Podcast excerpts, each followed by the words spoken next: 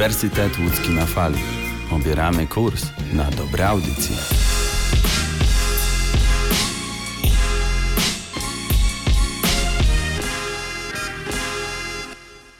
Cześć wszystkim. Witam w kolejnym odcinku Melomanii. Dziś pozostajemy w złotych latach 80. Tak, wiem, trzeci raz z rzędu.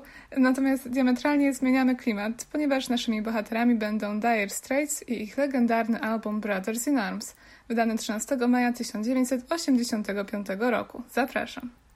Dire Straits są nazwani najlepszym brytyjskim zespołem rockowym lat 80. Poważne stwierdzenie, ale jak najbardziej słuszne, do czego mam nadzieję Was przekonać przez najbliższych kilkanaście minut. Zdobyli niezliczoną ilość nagród, w tym 4 Grammy, 3 statuetki Brit Awards, a w 2018 roku zostali wprowadzeni do Rock and Roll Hall of Fame. Sprzedali ponad 120 milionów płyt, a ich albumy spędziły łącznie aż 1100 tygodni na liście UK Album Charts, co czyni ich absolutnymi ikonami gatunku. Jakiego dokładnie gatunku? No właśnie, grupa wielokrotnie eksperymentowała ze swym brzmieniem, przeważnie ze znakomitym rezultatem, jednak krytycy są zgodni, definiując jej przynależność jako styl roots rock, czyli taki lekki i mocno folkowy rock, czym muzycy odpowiedzieli na ogromną popularność punku i metalu pod koniec lat 70. Brothers in Arms, o którym mam wielką przyjemność Wam dzisiaj opowiedzieć, to piąty krążek w dyskografii Dire Straits. Wiele się działo przed jego narodzinami, czego w żadnym wypadku nie wolno mi pominąć, dlatego już tradycyjnie zacznę od przybliżenia historii zespołu i człowieka w dużym stopniu odpowiedzialnego za jego sukces. Ten, o kim myślę, to oczywiście lider Dire Straits, Mark Knopfler – urodzony w 1949 roku w Glasgow. Laureat kilku statuetek Grammy, nagrody Edisona, Der Steiger czy Ivor Novello, doskonały wokalista i wirtuoz gitary, sklasyfikowany przez magazyn Rolling Stone na 27 miejscu rankingu 100 najlepszych gitarzystów historii. Obok Mike'a Oldfielda czy Lindsaya Buckinghama to jeden z najsłynniejszych użytkowników techniki fingerstyle, pozwalającej na imitację gry kilku instrumentów jednocześnie. W latach szkolnych Mark był związany z kilkunastoma amatorskimi formacjami, grającymi w prawie wszystkich możliwych nurtach, najczęściej jednak były to wariacje na temat folku. Przez długi czas muzyka była dla niego wyłącznie pasją. Po ukończeniu studiów anglistycznych pracował jako dziennikarz, nauczyciel i wykładowca. Odkąd zamieszkał w Londynie, grywał wieczorami w pubach z kapelą Brewers Drop. W 1977 roku z powodu problemów finansowych Mark wprowadził się do mieszkania młodszego brata Davida, które ten wynajmował z kolegą, basistą Johnem Isleyem. Wszyscy trzej panowie byli uzdolnieni muzycznie i postanowili coś z tym zrobić. W taki sposób powstał zespół nazwany początkowo Cafe Racers.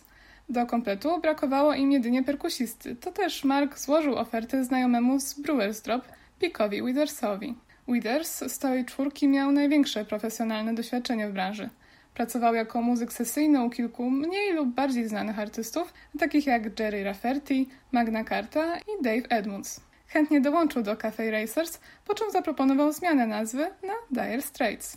Zaczęli od nagrania kasety z pięcioma utworami, z których podobno byli bardzo dumni i które świetnie wypadały na żywo. Podczas małych koncertów w klubach, e, tym większe było ich zdziwienie, kiedy kolejne wytwórnie, do których zwracali się z autorskim materiałem, odrzucały go. Stwierdzili więc, że może jednak coś robią źle i skierowali się poradę do Charlie'ego Gilletta, DJ-a i prezentera audycji Honky Tonk w radiu BBC London. Ten nieoczekiwanie zachwycił się dziełem Dire Straits, a najbardziej piosenką pod tytułem of Swing, do tego stopnia, że zagrał ją na antenie podczas swojego programu.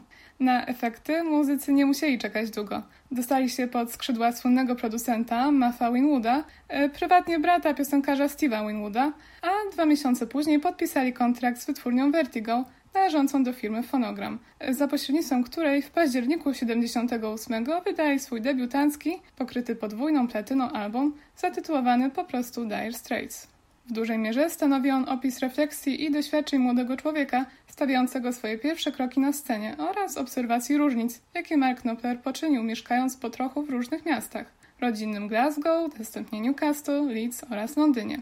Natomiast Sultans of Swing, wybitna kompozycja i hymn pub z jedną z najbardziej rozpoznawalnych gitarowych solówek wszechczasów, stała się pierwszym singlem i jednym z największych przebojów Dire Straits na całym świecie. With the Sultans, with the Sultans of Swing.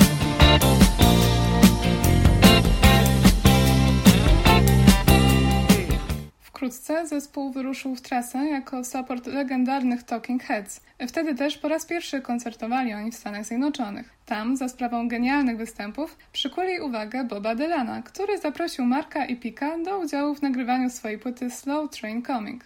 Czerwcu 79 ukazał się drugi krążek Dire Straits, Communique, utrzymany w bardzo podobnej stylistyce co jego poprzednik. Zdobył on uznanie krytyków i dotarł na wysokie miejsca na listach, jednak Max stwierdził, że czas na zmianę kierunku. To poróżniło braci Noplerów, skutkiem czego David opuścił zespół tuż przed premierą trzeciego albumu Making Movies z października 80 roku, na którym nie została mu przypisana żadna część wkładu kompozytorskiego. Making Movies utrzymało się w notowaniu Wielkiej Brytanii aż przez pięć kolejnych lat. Zawiera ono dłuższe utwory ze znacznie bardziej rozwiniętymi aranżacjami, a trend ten pozostanie charakterystyczny dla późniejszej dyskografii Dire Straits. Nowy styl reprezentował singiel Romeo and Juliet, przykład typowego dla Noplera sposobu pisania o miłości, e, polegającego na tym, że prawdziwe historie z własnego życia przypisuje on fikcyjnym bohaterom. Juliet,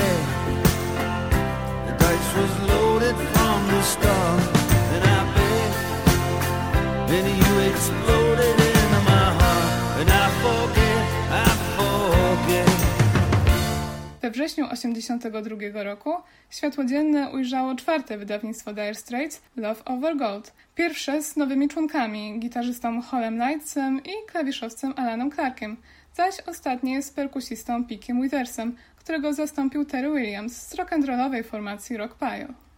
Na nowy materiał fani musieli czekać dwa lata, co, oceniając dotychczasowe tempo pracy Dire Straits, było bardzo długim czasem. Ich ulubieńcy jednak wcale się nie nudzili – w 1983 roku wydali epkę Extended Dance Play z kilkoma utworami, które nie zmieściły się na Love Over Gold. W tym samym roku zdobyli swoją pierwszą, lecz nie ostatnią, statuetkę dla najlepszego brytyjskiego zespołu podczas rozdania nagród Brit Awards. W marcu 1984 wypuścili Alchemy Dire Straits Live, swój pierwszy album koncertowy, dostępny zarówno w wersji audio, jak i wideo. Nagrano go podczas dwóch koncertów w kultowej londyńskiej sali widowiskowej Hammersmith Odeon. Jednocześnie Mark Knopper zaangażował się w kilka pobocznych projektów. Skomponował ścieżki dźwiękowe do filmów Local Hero i Cal. Ponadto ponownie połączył swoje siły z Bobem Dylanem jako współproducent jego 22 krążka Infidels. Następnie nawiązał kontakt z Tiną Turner, czego powodem była piosenka Private Dancer. Mark napisał ją podczas komponowania Love Over Gold, lecz stwierdził, że do tekstu bardziej pasuje kobiecy wokal, zresztą jak najbardziej słusznie, a idealną kandydatką wydała się właśnie Turner, wracająca po pięciu latach nieobecności.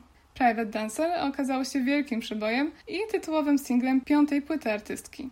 Solową karierę rozpoczął również John Isley z albumem Never Told the Soul, na którym zatrudnił kolegów z zespołu w roli muzyków sesyjnych. Dire Straits powrócili razem do studia pod koniec 1984 roku, zresztą w przepięknych okolicznościach przyrody, a dokładniej w Montserrat na Karaibach. Wcześniej zespół przeszedł kolejne roszady. Miejsca nie zagrzał długo Hall Lines, którego zastąpił Jack Sonny, do składu dołączył dodatkowo klawiszowiec Guy Fletcher, związany uprzednio m.in. z Roxy Music i znający się z Markiem z czasów pracy nad soundtrackiem do produkcji Cal. Okazjonalnie swojej pomocy udzielał wybitny perkusista Omar Hakim.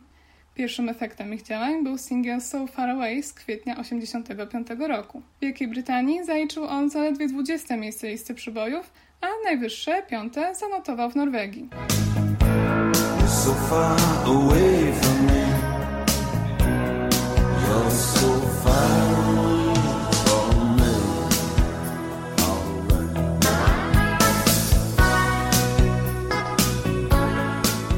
tekście Nopler narzeka na tryb życia muzyka, będącego ciągle w trasie, daleko od ukochanej osoby.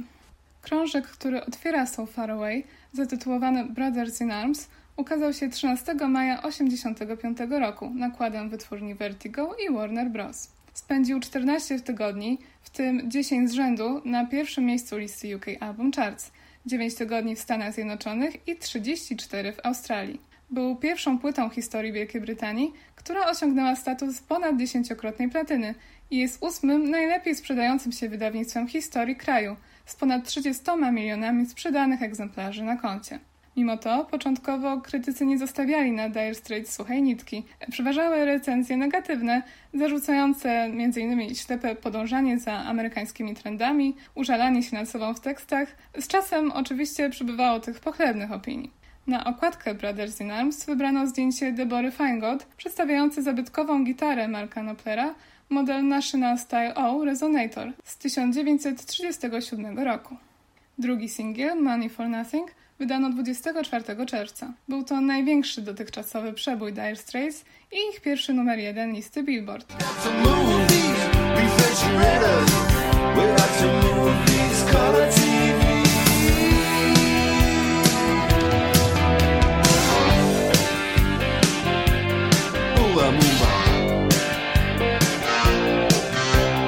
To typowy przykład muzyki pop-rock, brzmieniowo inspirowany twórczością ZZ Top i wzorowany na stylu gry gitarzysty Billiego Gibbonsa. Zaczyna się od doskonale rozpoznawalnego riffu gitarowego, który powtarza się później po każdym refrenie. Tekst został napisany z punktu widzenia dwóch mężczyzn z klasy robotniczej, którzy oglądają teledyski i komentują to, co widzą. Ich monotonne życie kontrastuje z wizerunkiem gwiazd obserwowanych na ekranie. Jego współautorem jest Sting, który również wzbogacił utwór o swój wokal. Możemy usłyszeć go zarówno w tle refrenu, jak i śpiewającego słynny wers I Want My MTV, nawiązujący do popularnej stacji telewizyjnej. Artysta kilkukrotnie wystąpił na żywo z Dire Straits, m.in. podczas legendarnego koncertu Live Aid na Wembley w lipcu 1985 roku. Money for Nothing towarzyszy przełomowy, jak na połowę lat 80. teledysk, jeden z najwcześniejszych przykładów zastosowania animowanych ludzkich postaci. Wyróżniał się spośród teledysków zespołu, przeważnie przedstawiających po prostu muzyków na scenie. Było to też pierwsze wideo wyemitowane przez europejski odłam MTV, kiedy wystartował on w sierpniu 1987. Na trzeci singiel wybrano tytułowy Brothers in Arms. To kolejny wielki sukces Dire Straits, co ciekawe cieszący się najszerszym rozgłosem w Polsce, gdzie zanotował szczyt listy przebojów trójki. Brothers in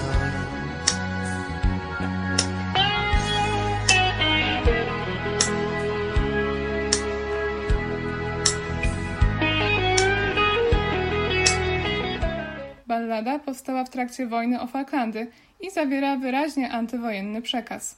Mamy tutaj perspektywę żołnierza umierającego na polu bitwy i zwracającego się do towarzyszy broni, nawołując do solidarności zarówno z sobą nawzajem, jak i z wrogiem. Nagranie do tej pory pojawia się w produkcjach poświęconych tematyce wojennej oraz na pogrzebach weteranów. Brothers in Arms posiada kolejny świetny teledysk nagrodzony statuetką Grammy, stworzony techniką rotoskopu polegającą na animacji ręcznie odrysowywanych kratek filmu.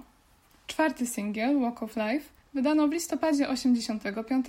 Dotarł on do najwyższego miejsca notowania w Irlandii oraz drugiego w kilku innych krajach. Do the walk of life. Yeah, do the walk of life.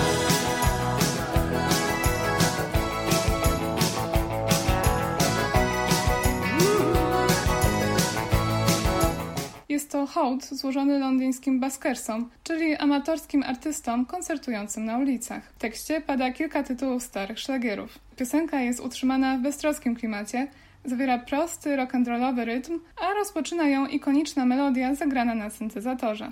Mało brakowało, a wcale byśmy jej nie poznali, ponieważ producent związany z Dire Straits, Neil Dorsman, uznał ją za zbyt prostą, zbyt słabą w porównaniu do reszty materiału. Jak dziś wiemy, to właśnie w tej prostocie tkwi siła. Z Brothers in Arms pochodzi jeszcze jeden singiel, Your Latest Trick, który ukazał się dopiero w kwietniu 86. Kawałek opiera się w dużej mierze na saksofonie, a przepiękną solówkę wykonuje prawdziwy wirtuoz tego instrumentu, muzyk jazzowy Michael Brecker. Is hand it to you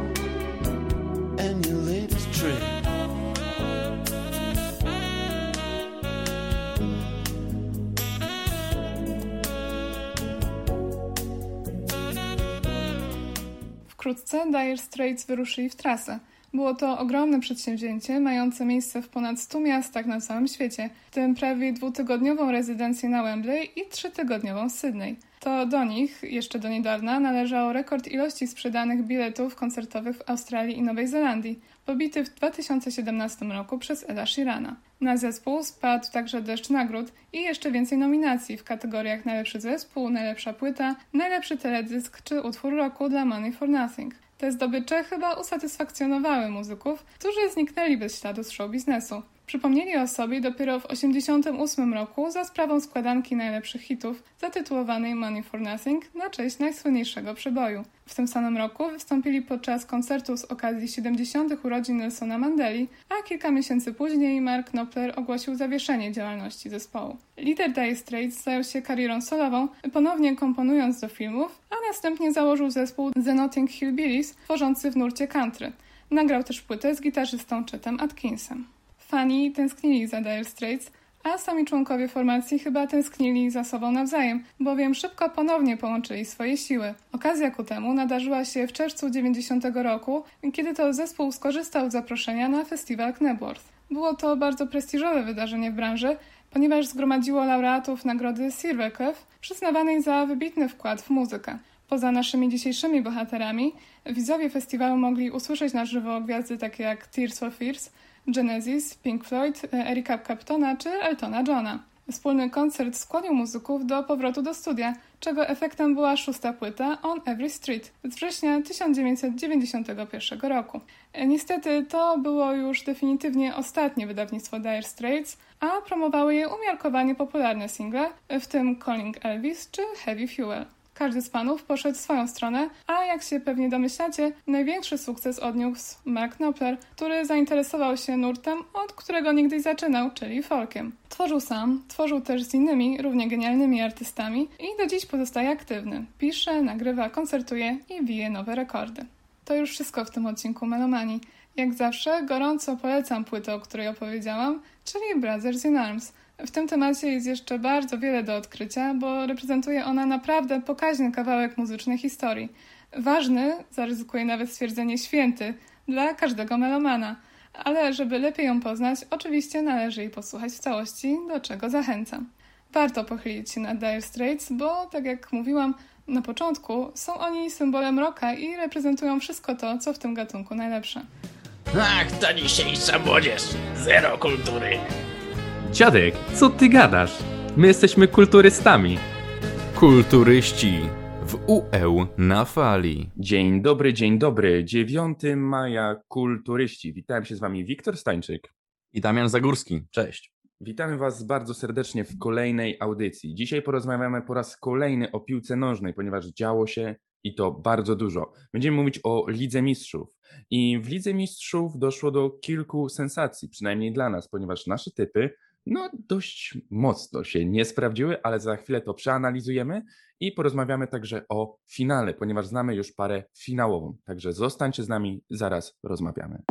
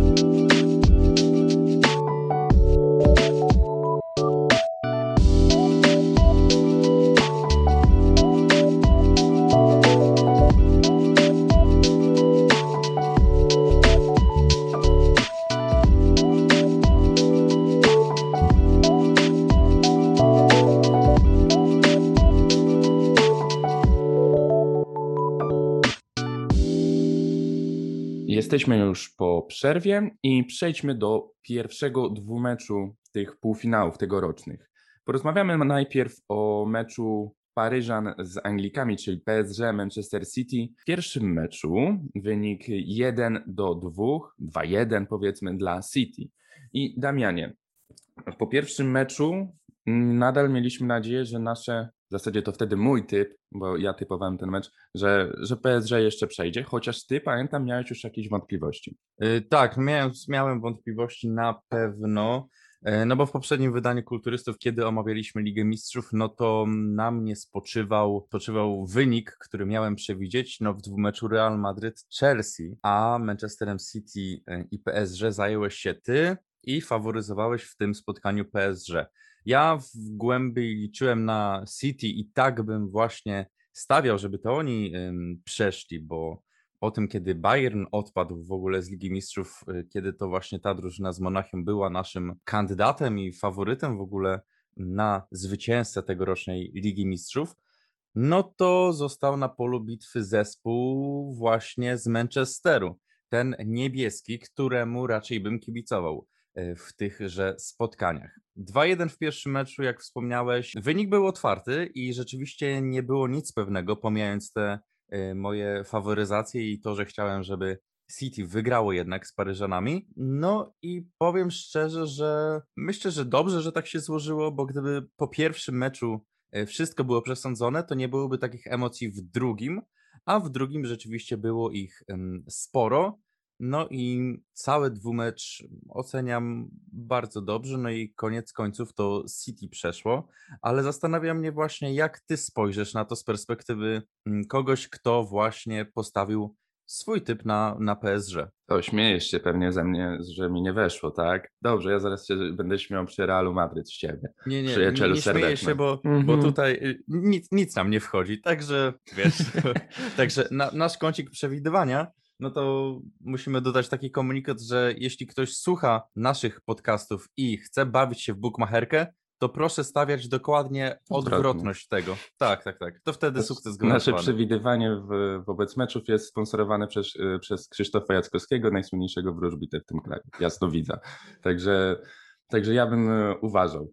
No ale co sądzę o tym meczu? Pierwszy mecz, kurczę, naprawdę bardzo fajny. Pierwsza połowa, pamiętam, tam była dla PSG i to zdecydowanie Manchester City w ogóle nie istniał w tym meczu. I nagle w drugiej połowie zaczęło, zaczęło, nie wiem, wyrastać mi jakieś skrzydła. Oni biegali dwa razy szybciej, dwa razy mocniej kopali tę piłkę i dwa razy lepiej się ustawiali na boisku. Pamiętam e, bramkę z mm, rzutu wolnego. No to to po prostu była jakaś paranoja. Manchester City, kurczę, nie pamiętam kto strzelał e, tę bramkę. Chyba De Bruyne, ale mogę się mylić. Ale to już mniejsza z tym. Chodzi o to, że była, mm, był rzut wolny, gdzieś około 20-25 metrów od bramki na wprost i nagle zawodnik City strzela i piłka przelatuje idealnie między dwoma zawodnikami w murze. Oni się po prostu rozstąpili jak Morze Czerwone przed Mojżeszem. Na takim poziomie to takie sytuacje nie powinny mieć miejsca. Ja rozumiem, gdzieś piłka doskonale poleci, bramkarz nie, do, nie doskoczy, bo wpadła przy samym słupku, przy, przy, nie przy poprzeczce, czy na przykład w, w okienku. Taka sytuacja, że strzelasz w mur, a on się nagle rozstępuje, no to no sorry, Winetu, ale no to sami się proszą o tragedię. W drugim meczu, tam to już w ogóle był totalny cyrk. Mecz się skończył takim wynikiem jak 2-0. Po pierwszym meczu mówię, nie no PSG, kurczę, no muszę dać radę. Okazało się nagle, że Kyliana Mbappé nie będzie w tym meczu i PSG wyszło i było po prostu jak biedne, małe dziecko we mgle. Tak jak trochę City w pierwszej połowie pierwszego meczu. No i wynik co? 2-0, e, Riyad Mahrez 11 minuta i 63. PSG nie dość, że nie strzeliło nic tak naprawdę, naprawdę oni nie mieli jakiejś super sytuacji nawet w tym meczu, to jeszcze Angel Di Maria w 69 minucie dostał czerwoną kartkę. Szczerze, dupy nie urywało. No to, to prawda, nie był to emocjonujący spektakl piłkarski, e, ale tutaj warto też wspomnieć, że to właśnie Mares raczej był tym bohaterem dla Citizens, bo strzelił i pierwszą bramkę z tego wolnego, o którym wspomniałeś, i dwie e, w drugim meczu. No i to dało e, jeszcze w połączeniu z golem strzelonym przez De Bruyne cztery bramki ogólnie rzecz biorąc, e, dla obywateli. No i powiem szczerze, że mm, ten murek, o którym wspomniałeś, jest ostatnio bardzo problematyczny w piłce nożnej, bo e, pamiętamy też mm, spekulacje na temat tego, jak źle ustawił się murek e, w jednym z meczu Juventusu e, kiedyś w lidze, dlaczego nie było krokodylka. Tutaj zauważyłem, że po tej akcji chyba ta wiadomość już obeszła cały świat i rzeczywiście ten krokodylek, czyli piłkarz kładący się pod murkiem jest, ale tutaj powstała dziura między zawodnikami. Na takim poziomie rzeczywiście to też nie mieści się w głowie, żeby nie trzymać jakby tej szczelności tego muru, no bo jaki jest sens stawiania muru, który jest dziurawy i piłka dokładnie w tym miejscu mija ten murek i trafia do bramki. No to jest tak, jakby zawodnicy się umówili, dobra, ja strzelam tu, a ty się wtedy odchyl i piłka idealnie przejdzie. I chociaż wiadomo, łatwo jest nam mówić sprzed telewizora jako widzom, ale no myślę, że taki błąd to na pochwały nie zasługuje. No i tak, tym sposobem wyłoniliśmy zwycięzcę z, zwycięzcę z jednego z jednej półfinałowej pary i to właśnie Citizens przechodzą do finału. No właśnie, czy chciałbyś coś jeszcze dodać, czy przechodzimy do drugiej pary? Wiesz co, ja już co miałem powiedzieć, to powiedziałem. PSG się nie popisało, także lećmy, lećmy do naszego nieszczęsnego Realu Madryt. Lecimy, lecimy, ale zatrzymamy się i chwilę odpoczniemy przy muzycznych rytmach.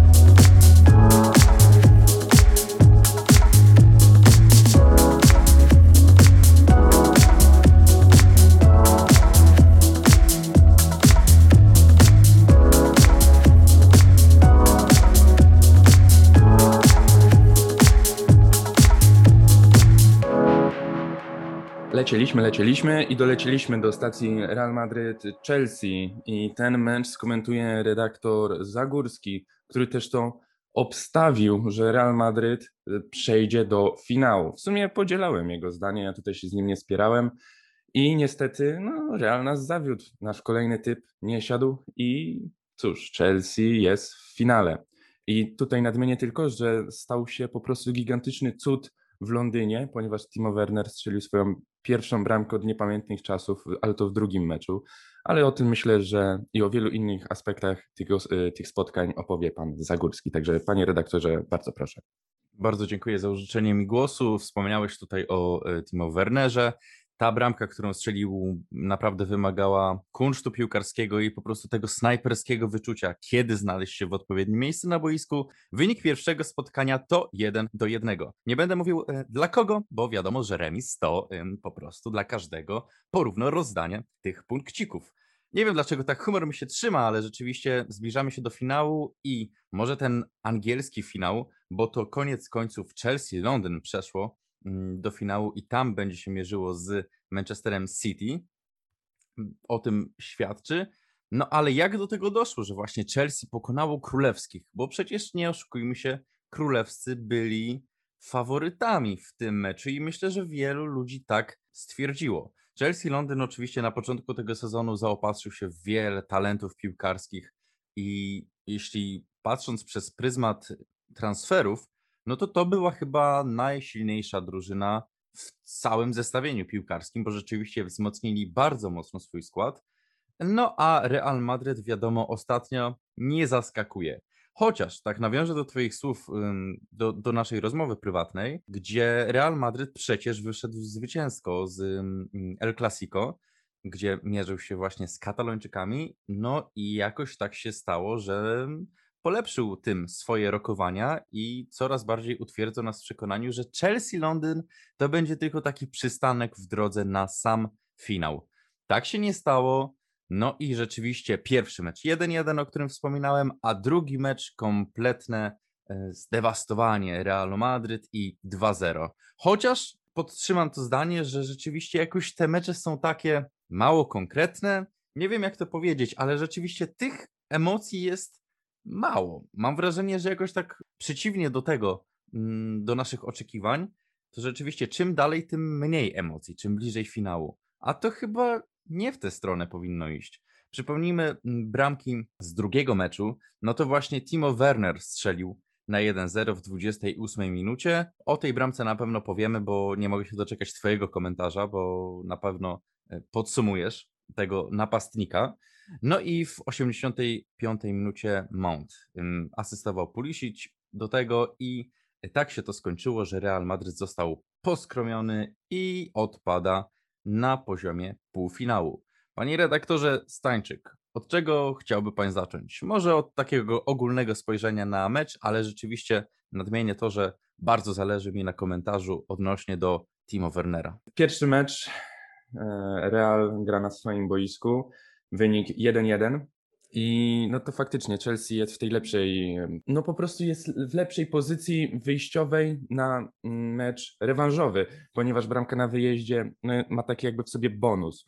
Liczy się podwójnie, chociaż nie wiem, czy to, to jest podwójnie, czy razy półtora, ale Real Madryt, kurczę, no tam grali dobry mecz. Do, grali dobry mecz, ale myślę, że na postawę i na odbiór taki mniej pozytywny wpłynęło właśnie to, że Timo Werner grał totalnie beznadziejnie klasyczny napastnik, praktycznie ustawiony na szpicy w Chelsea, on nie trafiał w piłkę, źle dogrywał do swoich zawodników i dopiero Pulisic w pierwszym meczu potrafił kiwnąć kilku zawodników, w tym bramkarza, i strzelić bramkę.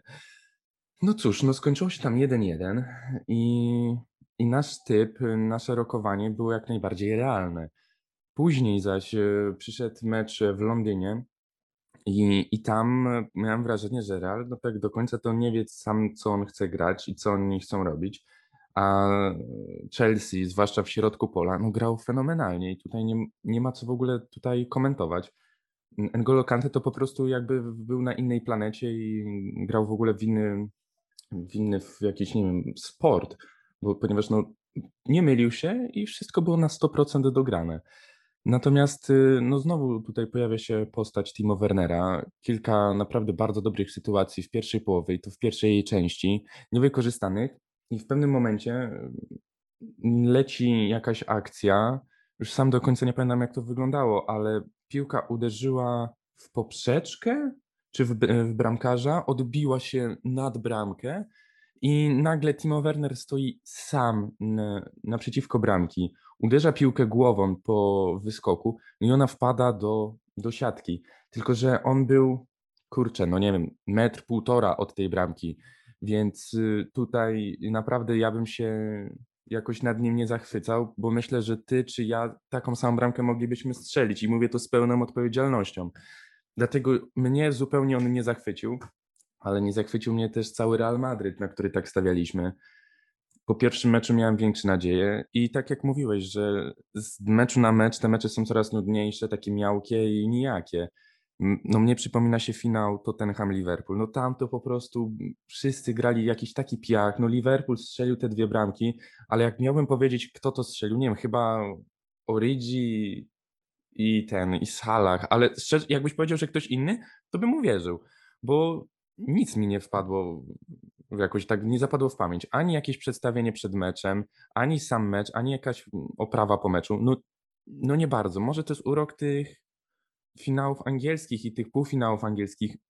Nie wiem, z czego to wynika. Teoretycznie Premier League najmocniejsza liga świata, a tutaj taki klopsik. To prawda, wspomniałeś, że nasze rokowania były realne i to w pełnym tego słowa znaczeniu. Realne, bo na real właśnie stawialiśmy. Słuchaj, mówimy, stwierdzamy, że y, z meczu na mecz jest jakoś tak nudniej, jakoś tak mało tych emocji jest. I wiesz, co ci powiem, może wpływ ma na to brak kibiców i rzeczywiście pustki na stadionach, bo wyobraź sobie taki półfinał albo finał, to przypomnijmy sobie, co się działo na stadionach. To było wielkie wydarzenie, prawda? A teraz, no to włączamy telewizor na półfinał Ligi Mistrzów. No wielkie wydarzenie, zbliżamy się do finału. Po prostu święto piłkarskie, jedyne w swoim rodzaju, a oglądamy ten mecz, no tak jak każdy. Nie ma żadnej różnicy w jakichś przyśpiewkach, nie słychać kibiców, nie widać tych emocji. y, Nie, nie podskakują kibice na stadionach, nie, nie latają szaliki. No, dzieje się tak naprawdę mało i może piłkarze też to odczuwają i stąd to wynika, że te mecze są takie mm, mało konkretne, takie bez, bez energii, bez ducha. Nie wiem, no ciekawe, co, co ty o tym sądzisz? Myślisz, że coś takiego ma wpływ na to, jak grają? Kurczę, wiesz co, no nie wiem, no na pewno ma, tylko my już się trochę przyzwyczailiśmy i do tych takich realiów covidowych ogólnie w życiu codziennym i w, w meczach też, ale faktycznie jak na którymś kanale leci mecz y, drużyny X i Y, to już mniejsza kto gra, y, ale chcemy obejrzeć ten mecz i leci bez kibiców, to znaczy bez sztucznie podłożonego tłumu, a leci ten sam mecz na innym kanale, czy gdzieś na streamie w internecie z podłożonym tłumem kibiców i no, śpiewających jakieś tam przyśpiewki klubowe, no to cię zupełnie inaczej ogląda. Teoretycznie widzisz to samo, w meczu dzieje się to samo, ale jednak ten sam głos, nawet nie widzisz tych kibiców, ale sam dźwięk trybun, no dodaje skrzydeł. Pamiętam bardzo ciekawy zabieg y, tej hiszpańskiej telewizji.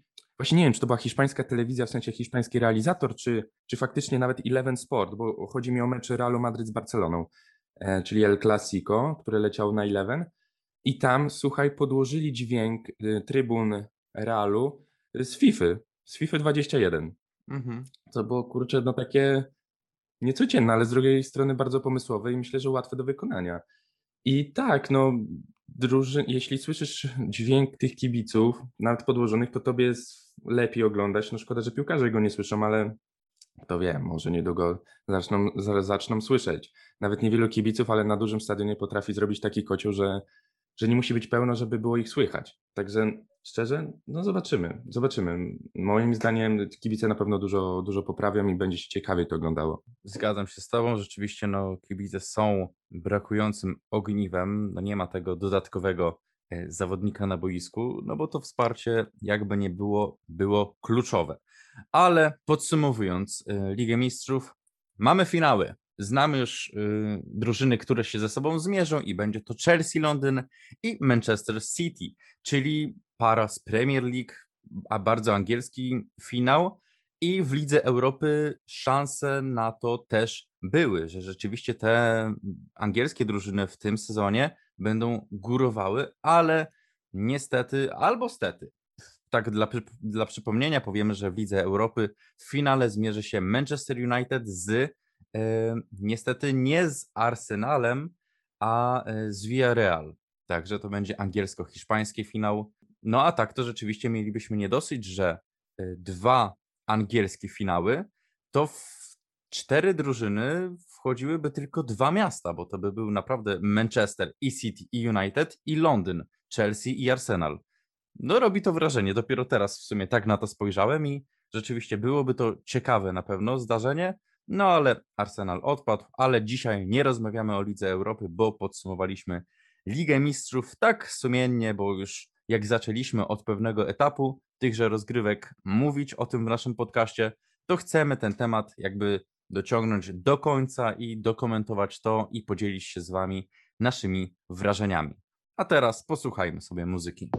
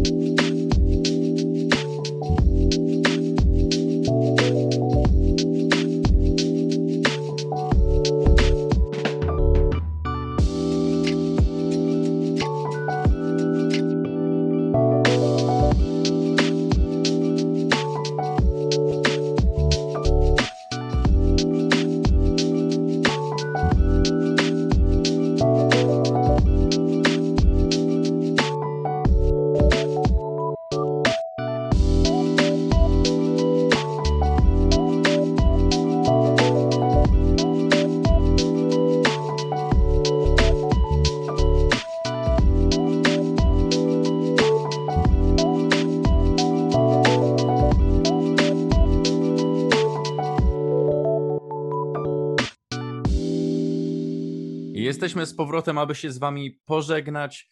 Tak, odnośnie do naszych nietrafionych typów, jak co tydzień, Wiktor przedstawi Wam jakiś cytat, jakieś słowo na niedzielę. No i aż sam jestem ciekawy, co on powie i jak nawiąże do naszych rokowań. Wielki menadżer, wielki szkolena, szkoleniowiec Alex Ferguson kiedyś powiedział takie słowa: Tylko prawdziwi mistrzowie pokazują swoją wartość po porażce. I myślę, że tutaj klasę pokazały nasze zespoły, które niestety nie awansowały, ale pokazały, że mogą powalczyć o największe, największe tytuły. I myślę, że w następnym sezonie to one będą górą. Także to, to jest moje słowo na niedzielę. Dziękuję. Myślałem, że mówisz, że klasę właśnie porażek e, to spełnimy my tymi naszymi przewidywaniami, bo rzeczywiście ponieśliśmy porażkę, ale głowa do góry i z uśmiechem to przyjmujemy. Zobaczymy, co będzie później i na pewno wspomnimy o finale Ligi Mistrzów w kolejnych wydaniach. No i żegnamy się z Państwem. Damian Zagórski, I Wiktor Stańczyk. do usłyszenia.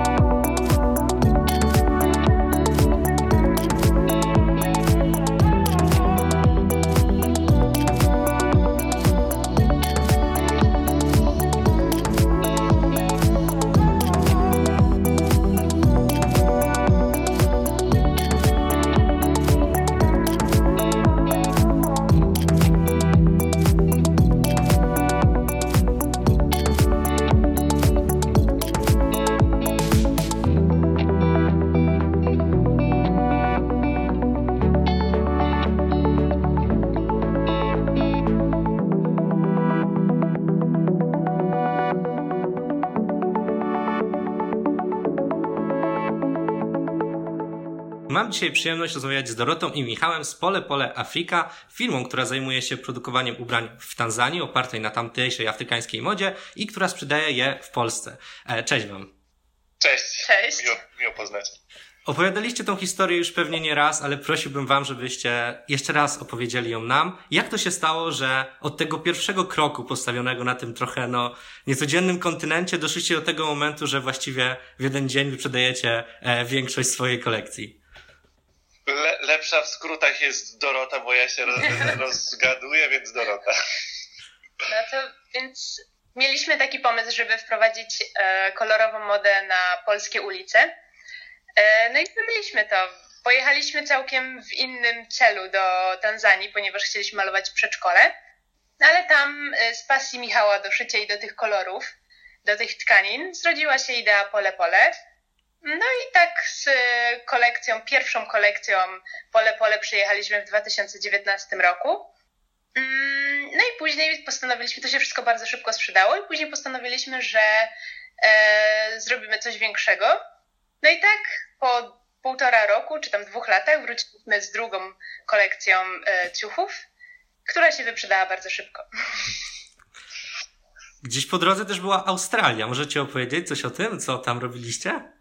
Tak, no mieliśmy taki pomysł, że nie będziemy angażować zewnętrznych inwestorów w pole pole, bo chcieliśmy to wszystko na naszych zasadach układać. Więc em, po tym, jak mieliśmy przez 4 miesiące w 2019 roku prowadziliśmy działalność, niewiele zysku z tego mieliśmy. Zobaczyliśmy, że złe ceny ustawiliśmy i że, nie, i, i, i że w sumie nie mamy potencjału, żeby mieć więcej, żeby zamówić więcej. Dlatego pojechaliśmy na 10 miesięcy do Australii, aby zarobić. No i pracowaliśmy fizycznie. Ja e, na przykład na rowerku elektrycznym rozwoziłem e, jedzonko. Ja sprzątałam domy No. Australijczyków, było świetnie. I przy okazji jeszcze pojeździliśmy vanem po Australii, po Outbacku. E, No i te zarobione pieniądze to od, od razu odkładaliśmy e, na konkretny cel, żeby zainwestować w pole pole. No i jak przyleciliśmy do Tanzanii z Australii, to wiedzieliśmy co robić, zainwestowaliśmy i się udało, opłaciło. No, skoro byliście tyle w stanie zainwestować w to, e, w to pole pole, jestem ciekawy, co was urzekło w tej modzie e, afrykańskiej, że chcieliście ją jakby pokazać szerszemu gronu. przede wszystkim, dla, jak ja pierwszy raz zobaczyłem te kolorowe materiały w Tanzanii, zastanawiało mnie, dlaczego tego nie ma w Polsce. Gdzieś to widać w Europie Zachodniej, gdzie jest większa, e, e, więcej ludzi e, z afrykańskimi korzeniami. Nie wiem, pojedzie się do Niemiec, do większych miast, do Wielkiej Brytanii, to to widać. Ale, ale w Polsce właśnie nie. I jak ja pierwszy raz założyłem takie szyte na miarę wdzianko właśnie w Tanzanii, to tak poczułem nagle większą pewność siebie, po prostu się dobrze w tym czułem. I też materiał dobrze leżał, bo te wszystkie materiały, które my kupujemy są bawełniane e, i są jeszcze takie grube, przyjemne w dotyku. No po prostu nie widziałem powodu, dlaczego tego nie ma w Polsce jeszcze.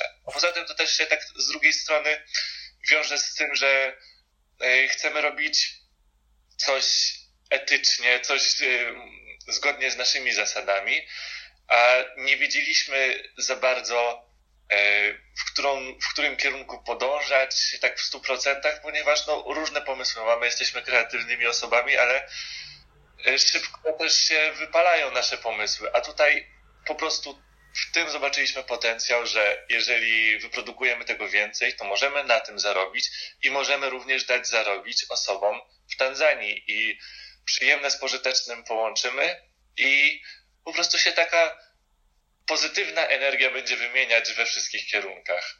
Bo ludzie chcą te, to nosić, my chcemy to robić i w Tanzanii ludzie chcą to robić, więc dlaczego nie? Więc właściwie to jest pół na pół pomysł na biznes, a połowa to po prostu misja e, rozprzestrzenienia tego. Tak, gdyby to był Tak. sam biznes, to byśmy raczej tego nie robili. Przynajmniej ja, ja tak czuję, że ta misja powoduje, że chce się to robić, chce się do tego wracać, chce się poznawać nowych ludzi, spędzać z nimi czas i widzimy, że to niesie jakieś korzyści, no to jest motywacja do działania. no, na początku właśnie była ta misja, a nie pomysł na biznes. E, właściwie, no dobra, zawsze w sumie wszystko szło mniej więcej w parze, ale misja bez biznesu już szybciej u nas by była, no bo malowaliśmy na przykład przedszkole w Tanzanii, w Buturu, robiliśmy różne rzeczy wolontariacko, ale sam biznes bez misji, no to już gorzej. I szczególnie jeżeli to miałoby komuś krzywdę wyrządzać. E, a w naszym przypadku no, staramy się jak najbardziej ograniczać jakiś negatywny wpływ na cokolwiek. E, no i, i naszym zdaniem, no, na, na razie się to wszystko udaje po prostu. Wspomniałeś, że jedną z tych trzech grup zainteresowanych e, jakby tym całą działalnością są ludzie pracujący w Tanzanii. Jestem ciekawy, jak skompletowaliście no, taki skład, który e, można powiedzieć, że działa. Czy mieliście jakieś takie przygody, że nie wiem, wynajęliście szwaczy, którzy totalnie nie podołali zadania, albo nie wiem, materiały były słabe? Jak to przebiegało? Oj, dużo mieliśmy wyzwań, tak, tak to na pewno. Trzeba od razu zaznaczyć, że my nikogo nie zatrudniamy w Tanzanii, tylko e, przychodzimy do małych przedsiębiorców, którzy sami mają swoje biznesy. W ten sposób mm, no, nie narzucamy jakichś swoich reguł, e, a raczej staramy się uczyć siebie nawzajem, e, że jeżeli oni na przykład mają zbyt słabą jakość, no to my możemy ich nauczyć lepszej jakości, ale z kolei e, no, nie mamy decydującego głosu. No ale tak, na początku było trudno, pracowaliśmy z różnymi takimi wiejskimi krawcami. Często to się kończyło tym, że za, nie wiem, zamówiłem sobie koszulę, spodenki krótkie i kimono i tu podszewka krzywo wszyta, tu ściek źle poprowadzony, a tutaj nowa torebka, którą odbieramy od krawca, popisana jest długopisem. I, i do tego jeszcze ma dziurkę na samym środku, wyciętą nożyczkami. I jak tutaj po prostu... E, działać. No, no, z wielu po prostu osób no, rezygnowaliśmy, bo, bo oni byli po prostu przyzwyczajeni, że przez 10 tam 15 lat swojej pracy zawsze wystarczy, zawsze klienci byli zadowoleni z takiej jakości, no i, no i okej, okay, nie zakłócaliśmy im tego porządku, ale jeżeli widzieliśmy, że ktoś może ma potencjał, ale, ale trzeba go trochę podprowadzić, no to bardzo chętnie rozwijamy takie współprace i y, no i też zauważyliśmy, że łatwiej się nam pracuje, jeżeli no w jednym miejscu jest przynajmniej kilka osób, a nie taka pojedyncza. Wtedy po prostu łatwiej jest z komunikacją. I w tym momencie taką naj... ale, ale wciąż jednak y, mamy szyte plecaki u takiej krawcowej Jane, z którą od samego początku współpracujemy. E, no, no, no i tak, no, y, na przykład u niej to jest y, tak, że przychodzimy do domu, tam po tym domu biegają kurczaki, y, no przechodzę między kurczakami i zlecam i tutaj plecaczki do uszycia, tu pokrowce na laptopa, ona w podziękowaniu daje mi jajka, dla mnie, dla Doroty. E, oczywiście ja jej płacę, żeby nie było, że za same jajka czy coś.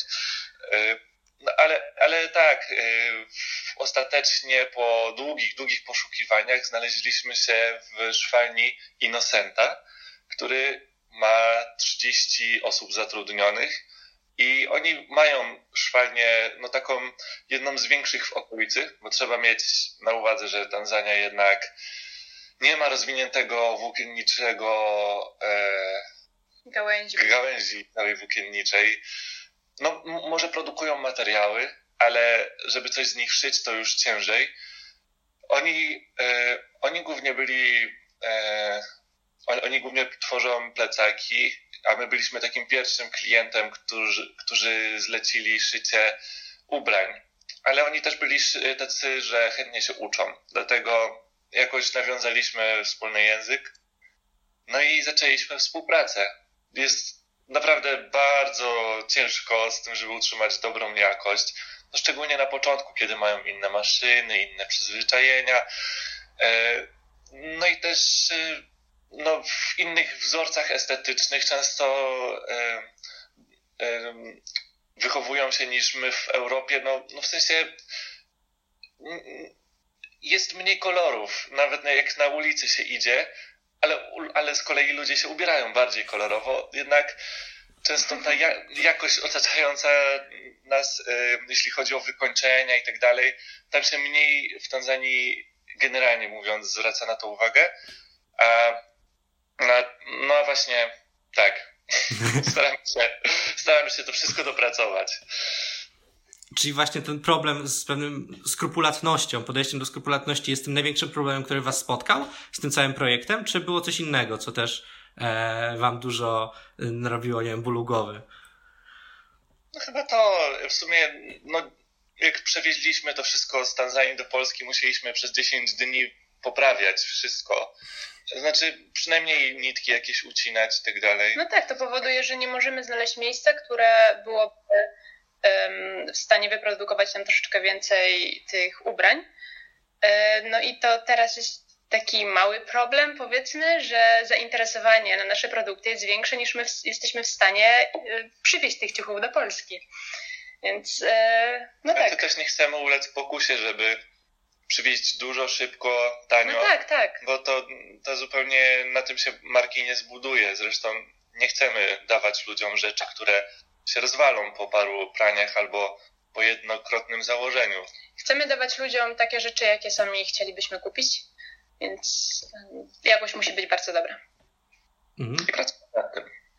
Wspominaliście o tym przewożeniu tych rzeczy. Jestem ciekawy, e, jak wy to wszystko ogarnęliście logistycznie, no bo chyba nie mieliście aż takiego doświadczenia z założeniem firmy, która działa na dwóch kontynentach. No właśnie, to był wielki problem, bo szukałem miesiącami, wysyłałem maile, statki nie chciałem, w sensie e, chcieliśmy to wysłać statkiem, ale e, żadna firma nie chciała się podjąć, żeby zabrać tylko 350 kilo ubrań. Chcieli cały kontener od razu. Tak. No a transport lotniczy, no to w tym momencie przy tak małej naszej skali był jedynym rozwiązaniem. No i tak właśnie zwaliśmy. Samolotem przyleciało i przyszło bardzo szybko, tylko dwa razy dłużej niż leciało z Tanzanii do Polski. To właśnie dwa razy dłużej e, siedziało w magazynie celnym i czekało na oclenie. Także no, Mieliśmy dłużej... pod nosem, bo my, pod nosem. my jesteśmy tutaj w Gdyni, a te paczki przez dwa tygodnie ponad e, siedziały, leżały w Gdańsku. Więc one były już bliziutko nas, a nie mogliśmy ich dostać. Musieliśmy czekać cierpliwie. Ale też w ogóle e, sa, samo to, jak e, to wygląda e, w, po stronie tanzańskiej, to, to jest w ogóle inna historia. No, dzwoni się do kuriera, kurier mówi, że przyjedzie, dzwonię do kuriera o godzinie, kiedy musiał przyjechać i mówi, że nie przyjedzie. No to trzeba samemu przewieźć do biura, chociaż w tym biurze wcześniej podali mi półtora razy większą cenę, ale wykłóciłem się, że przecież na stronie internetowej było inaczej, no to no i tak dalej, i tak dalej. I no ciekawe Trzeba było. samemu się bardzo dużo dowiadywać, e, być oczytanym, ponieważ często ludzie w różnych urzędach sami nie mają wystarczającej wiedzy, żeby obsłużyć klienta, więc e, tak, trzeba być bardzo przygotowanym. No tak, tak wygląda w Tanzanii. O właśnie a propos Tanzanii, trochę odbieg teraz strony biznesowej. Chcę was zapytać o wasz najlepszy dzień spędzony w Tanzanii. Macie jakieś takie bardzo miłe wspomnienie z tego okresu? Ojejku, ciężko. Było bardzo dużo fajnych dni. Hmm, może bardziej czas, jaki spędziliśmy. No ja na przykład bardzo pamiętam góry Usambara i Bambo. Um, jest tam taki ośrodek prowadzony y, przez, w połowie przez Polkę, Dagmarę.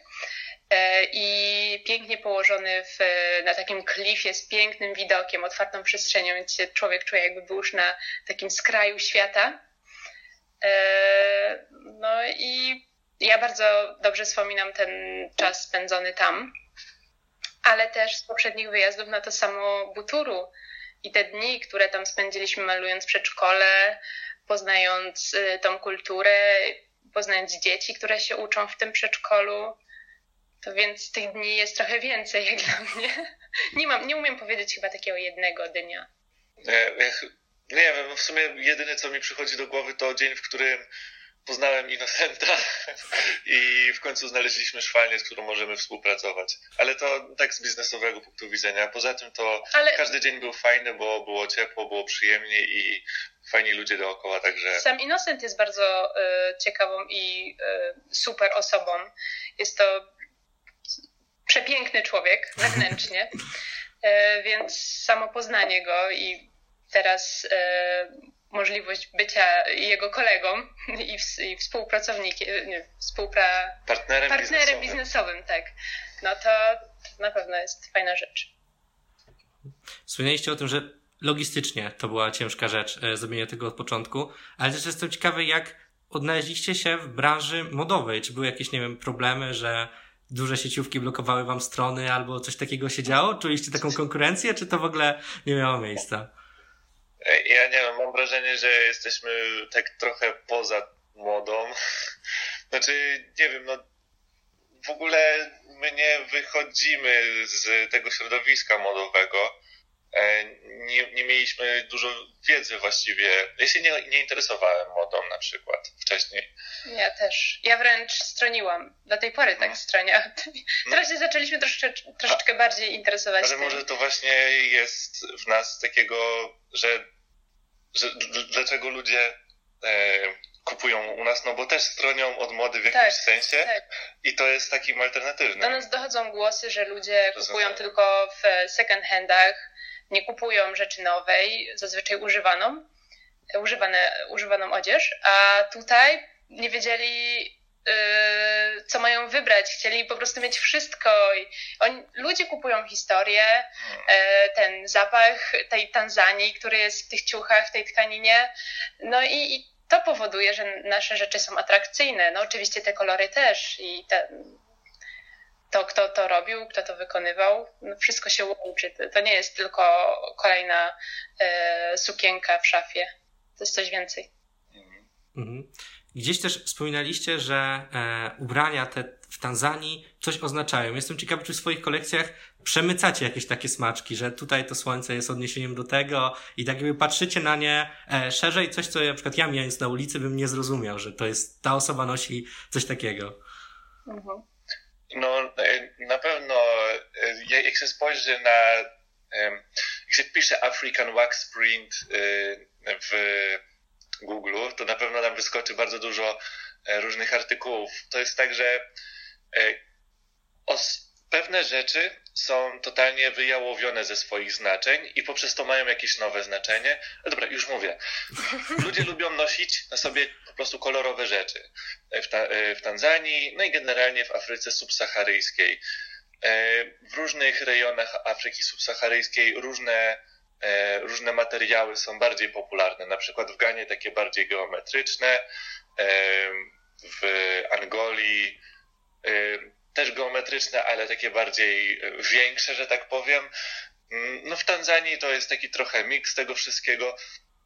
No i to, co możemy zaobserwować wśród materiałów na rynkach, są na przykład materiały z kurczakami i jajkami i Z kukurydzą, z, Z różnymi kukurydzą. roślinami, z kwiatami. e, z wariacją na temat lockdownu, e, z wizerunkami polityków, świętych. E, Ludzie je zakładają i nie, nie zawsze mm, to musi oznaczać, że sympatyzują z tym, co zakładają akurat tam. Po prostu często im się podoba wzór, kolor. E, Ale też e, z drugiej strony, jeżeli są jakieś motywy roślinne i tak dalej, to, to, to też może mieć e, dla osoby znaczenie. To, to właśnie jest tak mega przypisane do tego, kto to właściwie zakłada, bo no, no właśnie, no, idzie sobie na przykład pani do kościoła, ale ma muzułmański motyw na, na materiale i ona może nie wiedzieć właściwie o co z tym wszystkim chodzi, ale no, dla drugiej osoby to ma bardzo duże znaczenie. Więc w sumie z modą to trochę tak jest, że no, kto, to, kto to zakłada, to, to, to ta właśnie osoba, co to zakłada, nadaje temu znaczenie. E, No, ale właśnie to jest mega dużo tych kolorowych, kurczę, e, rzeczy jaskrawych i, i My- ludzie się tego zupełnie nie wstydzą tam. My przy zakupie kierujemy się tym, że to musi na nas wywrzeć jakieś wrażenie, że idąc na targ i widząc jakiś materiał, nie możemy mieć mieszanych uczuć, tylko musimy chcieć ten, Tak. ten wzór, ten materiał. Więc bywało tak, że ja na przykład mówię, Michał, musimy to mieć. Michał mówi, "Mm, mi się to nie podoba. Ale wtedy jest tak, dobra, to jeżeli ty uważasz, że to jest dobry materiał, to kupuj.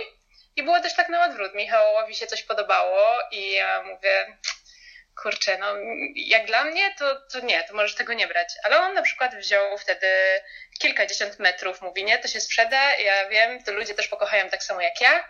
No i tak było, no. Niektórzy kochają te materiały, które ja wybrałam, inni kochają te, które Michał wybrał. To jest też tak, y, że To jest bardzo indywidualne y, w wielu kwestiach. w, sumie no, niektóre z tych materiałów to po prostu one tak oszałamiają y, taką pozorną kiczowatością, ale jednak to jest takie tak głęboko kiczowate i tak też powszechnie akceptowalne w Tanzanii, że to już przestaje być kiczem. E, nie wiem, e, na przykład kurczę, Było takie lusterko, e, lusterko pantofel, pantofelki na przykład, ale wiesz, było lusterko samochodowe A, przy kierowcy tak. i z takimi kostkami zwisającymi. Tak, to było To było prześliczne. prześliczne. Chcieliśmy to dostać, ale niestety nie było wersji cotton, tylko sam poliester. No. No ale mnóstwo takich właśnie.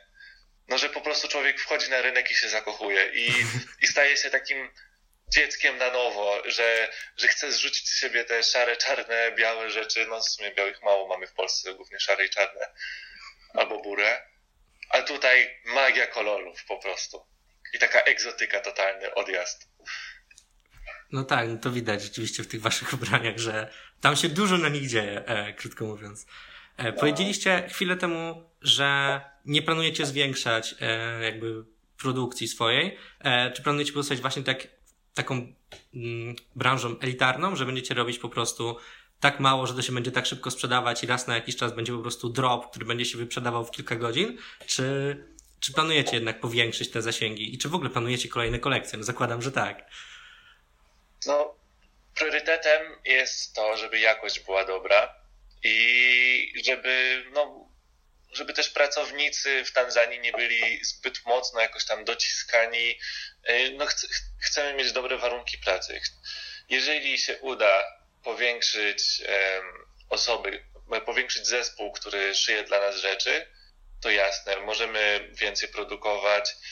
E, No póki co y, to nie było może naszym założeniem, żeby wszystko się od razu wyprzedało. W ogóle zakładaliśmy, że my przywieziemy e, wystarczająco rzeczy, żeby sprzedawać to przez cały rok. No tak, ale myśleliśmy do świąt, planowaliśmy jakieś promocje świąteczne, Tak. a okazało się, że jest tylu chętnych, że my troszeczkę jesteśmy przerażeni, że nasz system i nasz schemat nie, nie, nie jest zbyt dobry do, do tego wszystkiego, ponieważ jeżeli będziemy em, stosować tą metodę dropów i sprzedawać w jednym dropie na przykład pół tony, to my nie będziemy w stanie przerobić i wysłać wszystkiego na czas ludziom. Poza tym tutaj też pojawiają się em, jakieś zwroty, e, jednak nie wszyscy wybierają, nie wszystkim o, e, odpowiada ten rozmiar ciucha, który sobie zamówili, więc my się też musimy tym zająć, to wszystko wydłuża czas. E, no, no i tak sobie myśleliśmy, że właśnie chyba lepiej by było to jakoś podzielić na mniejsze dostawy, żeby no, na, nam nie zależy na tym takim nakręcaniu ludzi i później wielkich rozczarowaniach, że im się nie udało czegoś kupić. A niestety już to no, jest. to istnieje i wiemy, że to będzie rosło, no bo widzimy, jak ludzie do nas y, przychodzą, jak oni chcą tych ciuchów. I to mamy trochę dylemat. Jak to zrobić, żeby każdego zadowolić, a jednocześnie, żeby. No, nigdy się wszyscy nie zadowolą. No, nie ma czegoś takiego. A chcielibyśmy. Powoli będziemy już kończyć. Jeszcze na koniec chciałbym Was zapytać o to, e, czemu mam wybrać e, Waszą sukienkę, a nie na przykład z H&M czy Zary. Możesz wybrać, to jest wszystko twój wybór. Tylko, że są pewne różnice, między innymi e, upewnij się, czy na pewno kupując sukienkę z H&M-u albo Zary m, dostaniesz e, produkt, który ci się nie zużyje po paru praniach. No i jeszcze najlepiej jakbyś sprawdził, czy faktycznie osoby, które pra pracowały przy tworzeniu tego, e, otrzymały wynagrodzenie, które jest ich zadowalające. E, niestety ciężko to by było prześledzić. My staramy się być na tyle transparentni, że że ludzie widzą każdy etap produkcji praktycznie. Je, y, już za parę tygodni będę nadawać na Instagramie ze szwalni w Tanzanii, pokazywać cały proces produkcji. No HM i Zara tego raczej nie robią. Prawdopodobnie nawet nie wiedzą, jak to wygląda. No na pewno ci na wyższych szczeblach wolą nie wiedzieć. Dzięki bardzo za rozmowę. To była przyjemność. Mam nadzieję, że e, wasze ubrania będą się sprzedawać dobrze, ale nie aż tak dobrze, żebyście nie, nie wiedzieli, co z tym zrobić. Dzięki. Dziękujemy.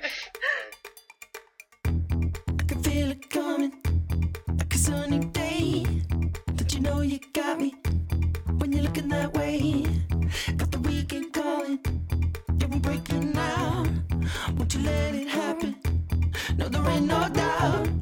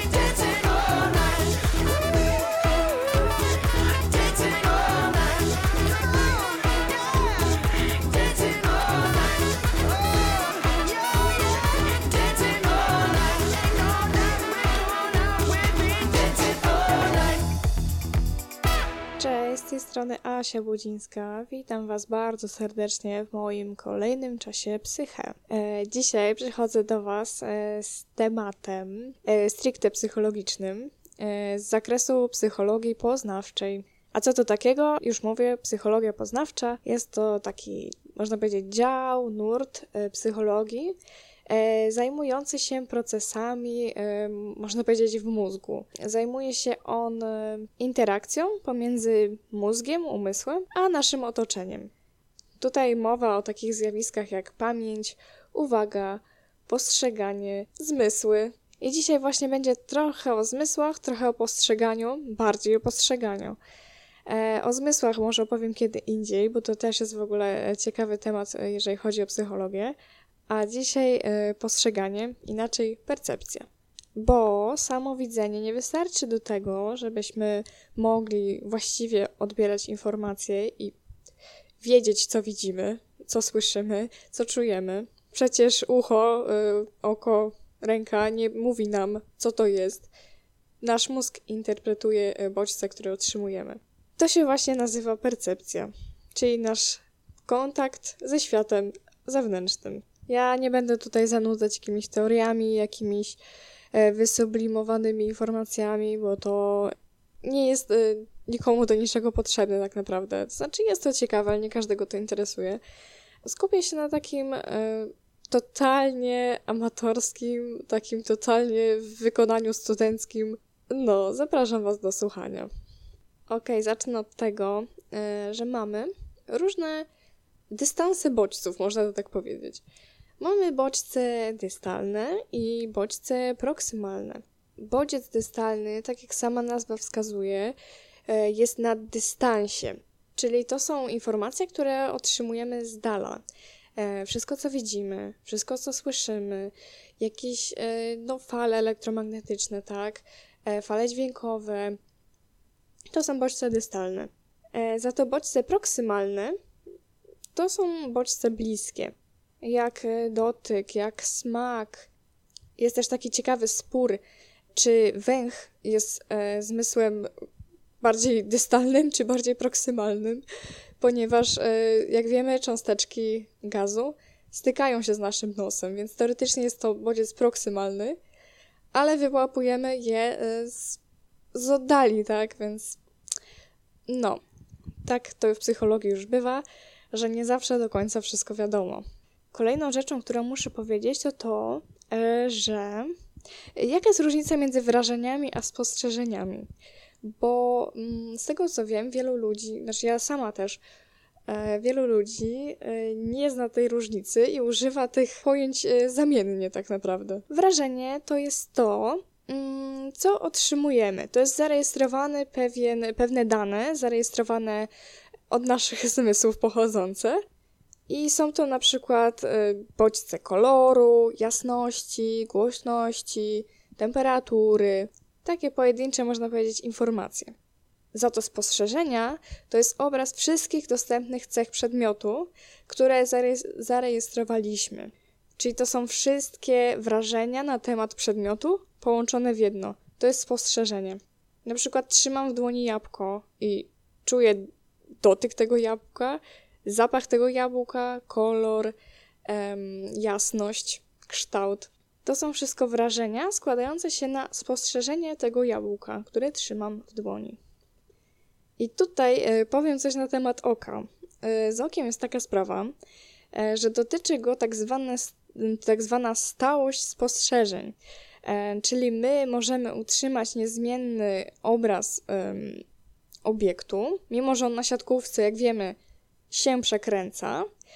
I, i też mamy pewne takie, mm, jakby to powiedzieć, takie stałe zasady, które kierują naszym spostrzeganiem.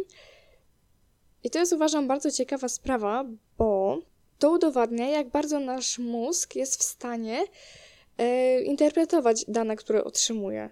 Że to nie jest takie, że o, widzę to, to tak dokładnie widzę, jak mi oko pokazuje. Nie, on umie interpretować to, co widzi.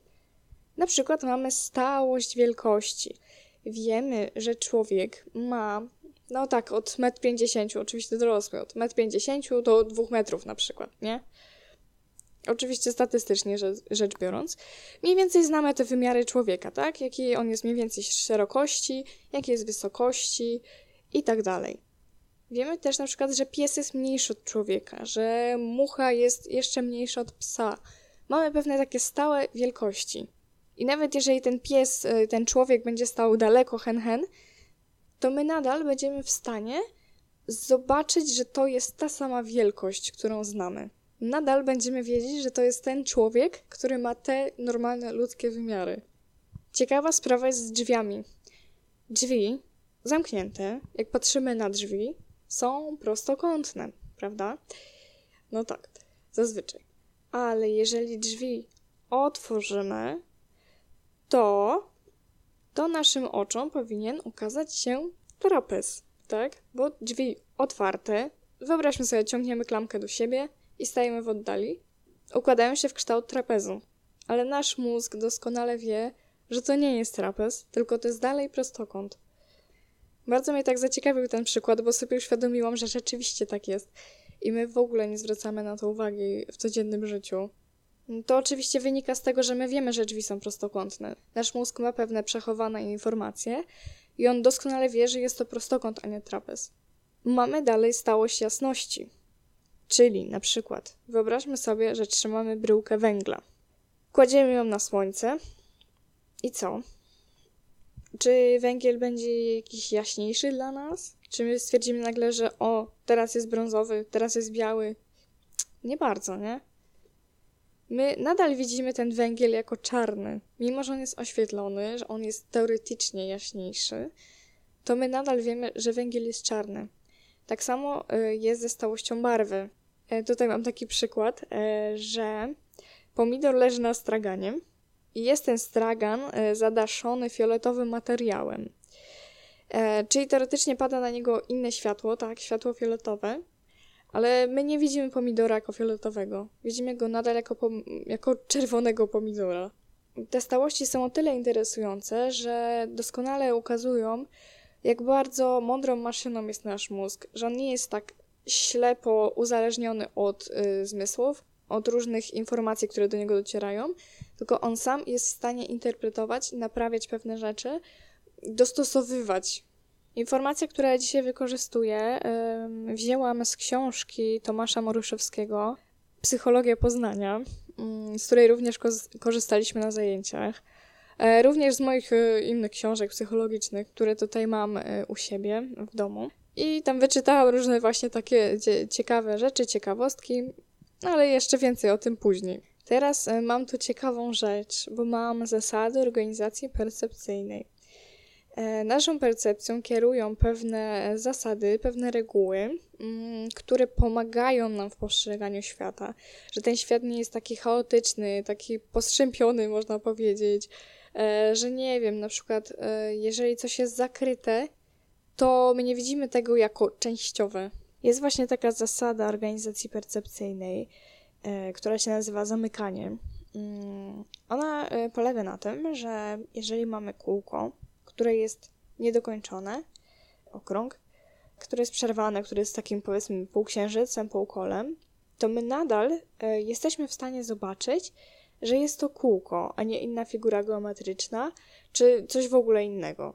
Nasz umysł jest w stanie sobie dorobić e, taką informację, że widzi, nadal widzi koło, nawet jeżeli ono nie jest e, pełne. Ta zasada jest wykorzystywana w codziennym życiu, kiedy właśnie coś jest zakryte, kiedy coś jest e, niedokończone, mm, kiedy mamy się domyślić, co tam będzie. Są nieraz takie zadania typu dorysuj brakujący element. W sztuce też często jest taki motyw, że figury są niedomknięte, takie mm, nieoczywiste, ale my nadal jesteśmy w stanie stwierdzić, co na tym obrazie jest. Ale to nie wszystko. Nie wszystko, jeszcze są takie cztery zasady, o których chcę powiedzieć. E, zasada bliskości. Mm, Wyobraźmy sobie, że mamy obrazek e, z pionowymi liniami. I teraz tak, e, od lewej patrząc, jest linia, obok niej jest druga linia, potem jest trochę przerwy, są kolejne dwie linie, przerwa i kolejne dwie linie, tak pionie, tak? Takie trzy powiedzmy sekcje. No właśnie, powiedziałam trzy sekcje, tak? Czyli ja już gdzieś tam w głowie sobie podzieliłam, że aha, tu idą dwie linie, tam dalej idą dwie linie i jeszcze dalej idą dwie linie. To jest właśnie zasada bliskości, która mówi o tym, że przedmioty, obiekty widziane blisko siebie e, tworzą dla nas pewną spójną całość, pewną łączność. Wyobraźmy sobie dworzec kolejowy, tak? I patrząc z góry, my doskonale będziemy widzieć, gdzie e, są tory kolejowe, ponieważ łączą się nam linie, tak? Widzimy, że dwie linie są obok siebie, następne są trochę dalej. Z tego właśnie e, wnioskujemy, że e, te przedmioty są ułożone razem. To oczywiście nie tylko kreski, tak? Również inne przedmioty zebrane w grupę. No właśnie, my widzimy je jako grupę, tak? Ja już tutaj używam skrótów myślowych. Właśnie na dowód tych zasad. Przedmioty, które są blisko siebie, widzimy jako grupki, zespoły, jako coś odrębnego od y, reszty.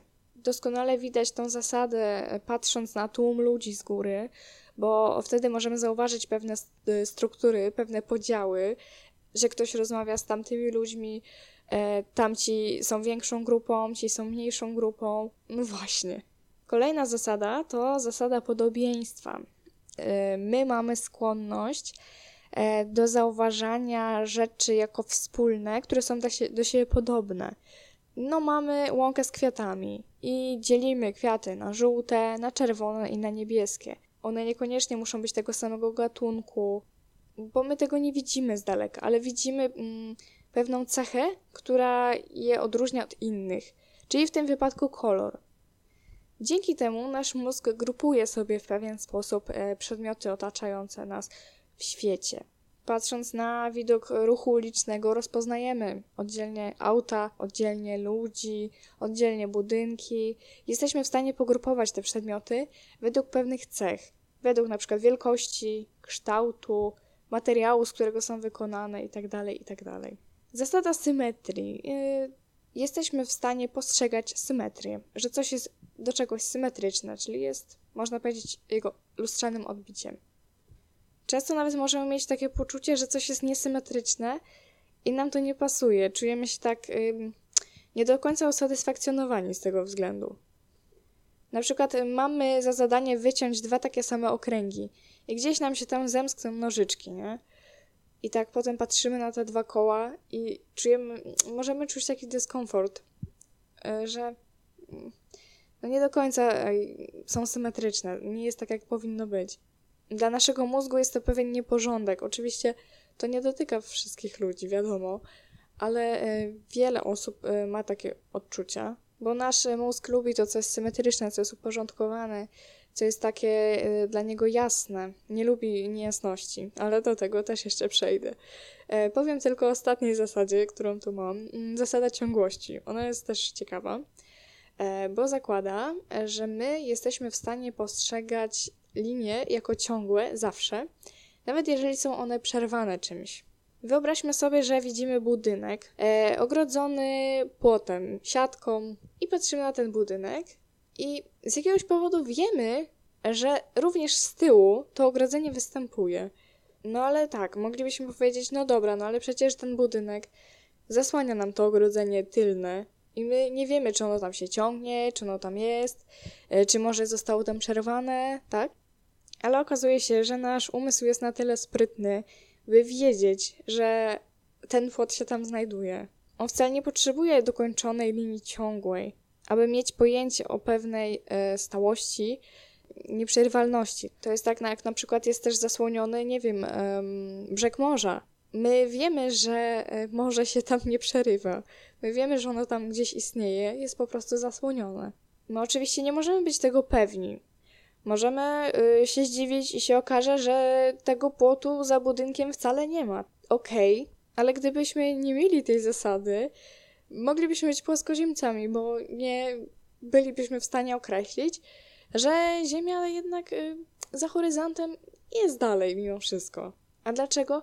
Bo my o tym wiemy. Z pewnych naszych doświadczeń życiowych, z obrazów, z informacji, które nasz mózg otrzymał przez nasze życie, dzieci e, zaglądając za przedmiot widzą, że to wszystko dalej tam jest. Bardzo fajną rzeczą jest e, relacja mm, figura i tło, bo mm, tło postrzegamy jako coś zamazanego, coś takiego nieukształtowanego, niewyraźnego, mm, coś, co nie rzuca się w oczy, po prostu jest w tyle.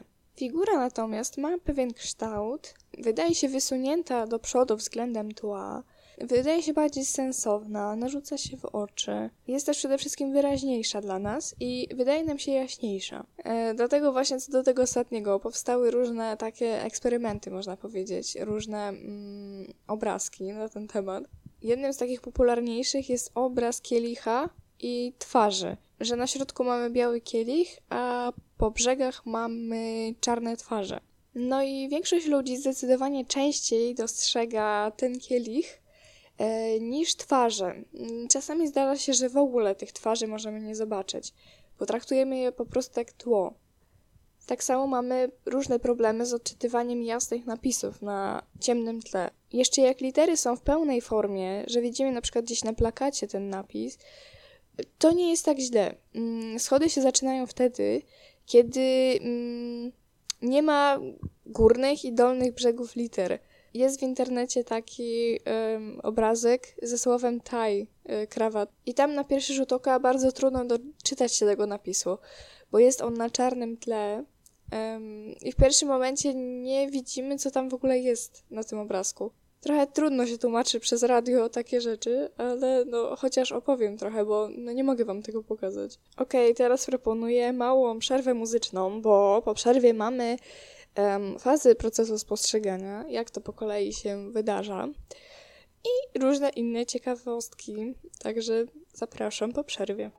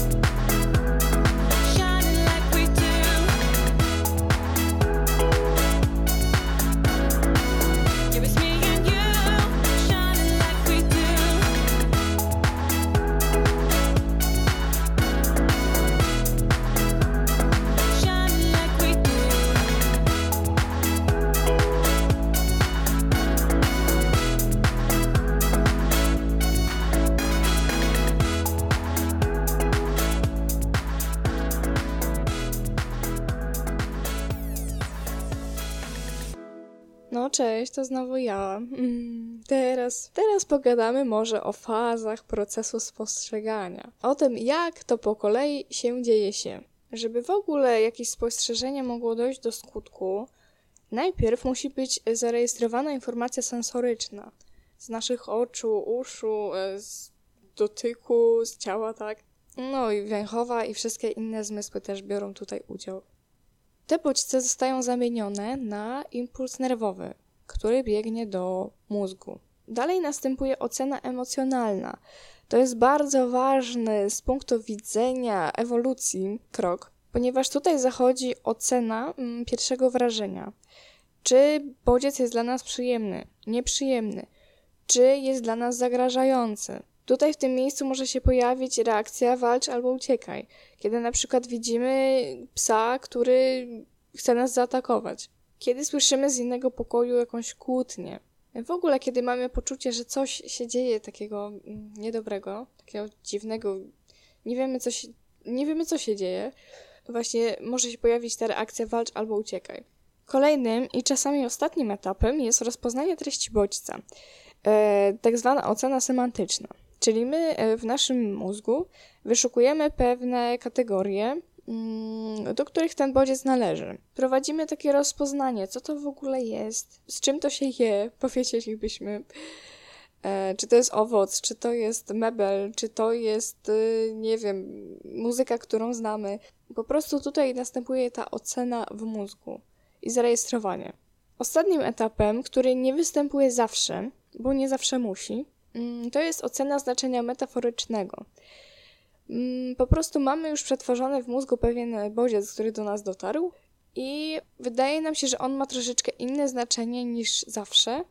Tutaj można pojechać na przykładzie metafor. No, metafora z racji swojej definicji oznacza coś, czego tak naprawdę ta dana rzecz nie znaczy. Dlatego my włączamy jeszcze inne procesy, na przykład procesy wnioskowania, żeby mm, tą informację właściwie rozpoznać właściwie umieścić. Dobra, a co to jest nastawienie percepcyjne? Nastawienie percepcyjne to jest gotowość do detekcji e, jakiegoś szczególnego bodźca e, w danym momencie, w danym kontekście.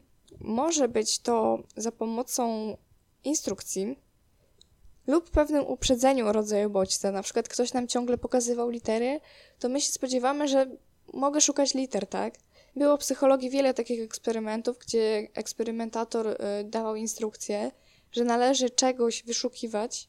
Ludzie wtedy mieli nastawienie percepcyjne i szło to o wiele, wiele sprawniej. To wszystko, o czym mówię, ma pewien związek z uwagą, bo my po prostu nie jesteśmy w stanie zwracać uwagi na wszystko. Musimy mm, mieć jakiś filtr, przez który przepuszczamy y, bodźce, które otrzymujemy.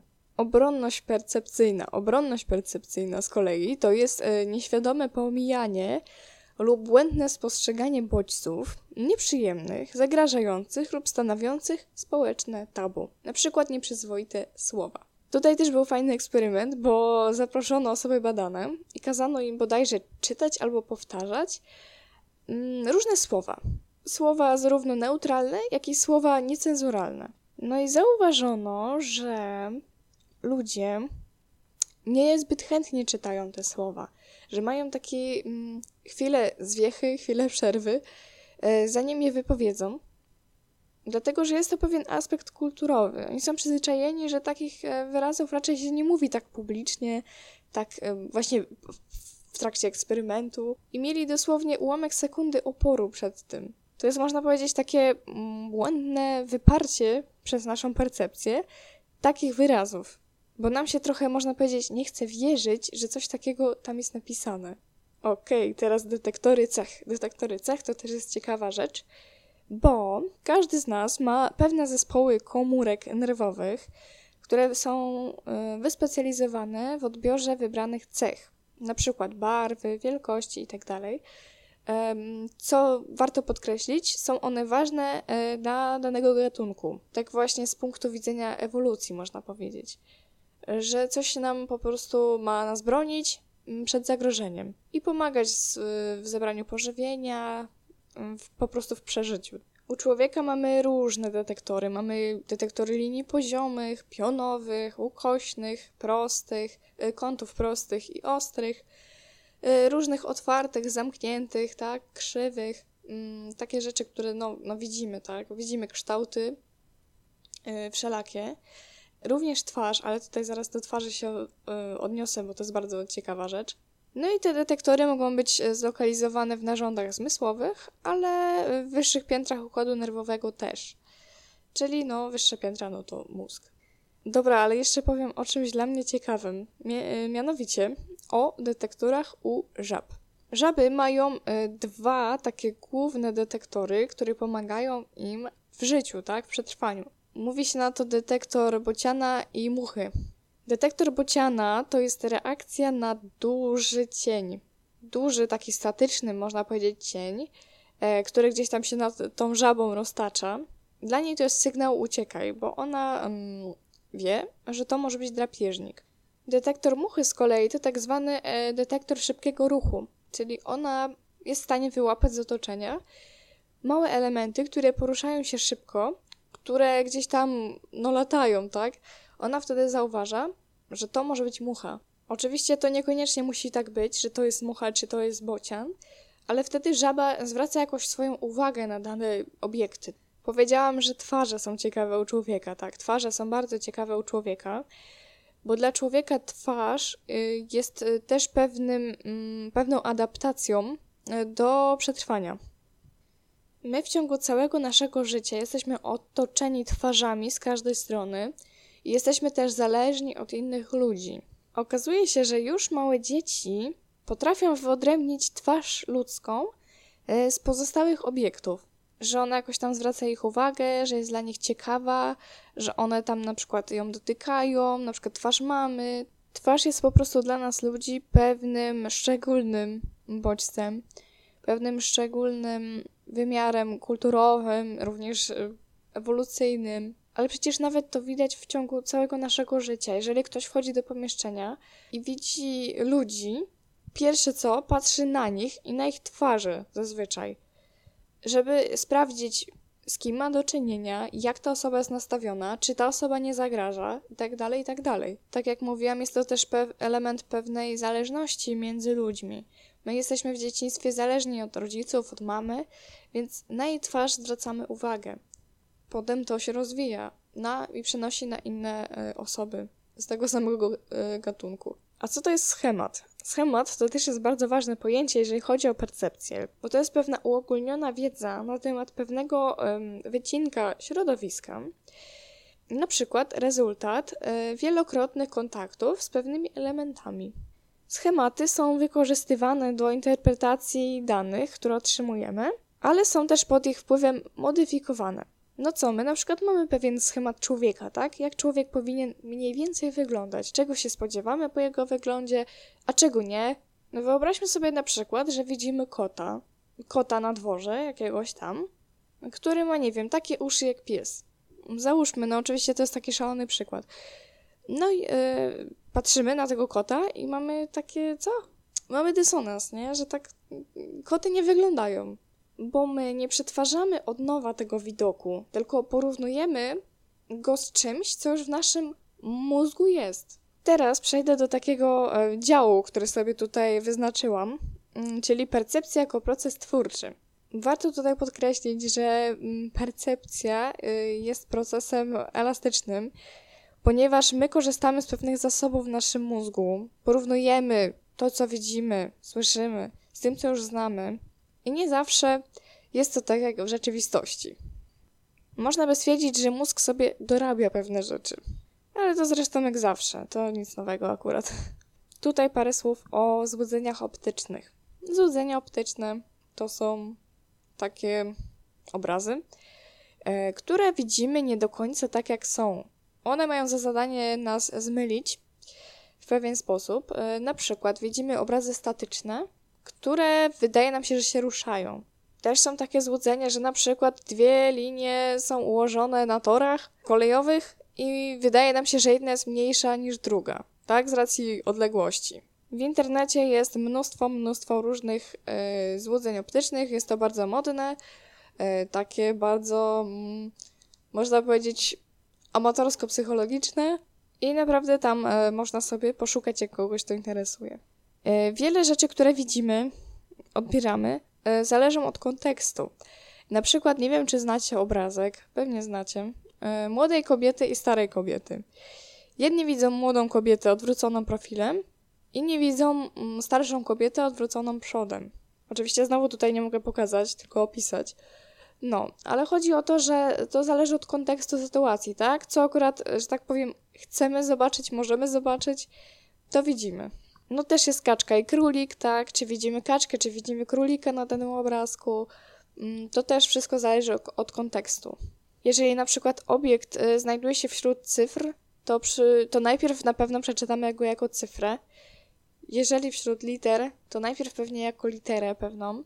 Na przykład tak jest z trzynastką, że trzynastka może być albo trzynastką, albo literką B, jak się ją właściwie napisze. Może służyć za tą literkę i właśnie zależnie od kontekstu przeczytamy ją w różny sposób. Bardzo ciekawą rzeczą jest powidok.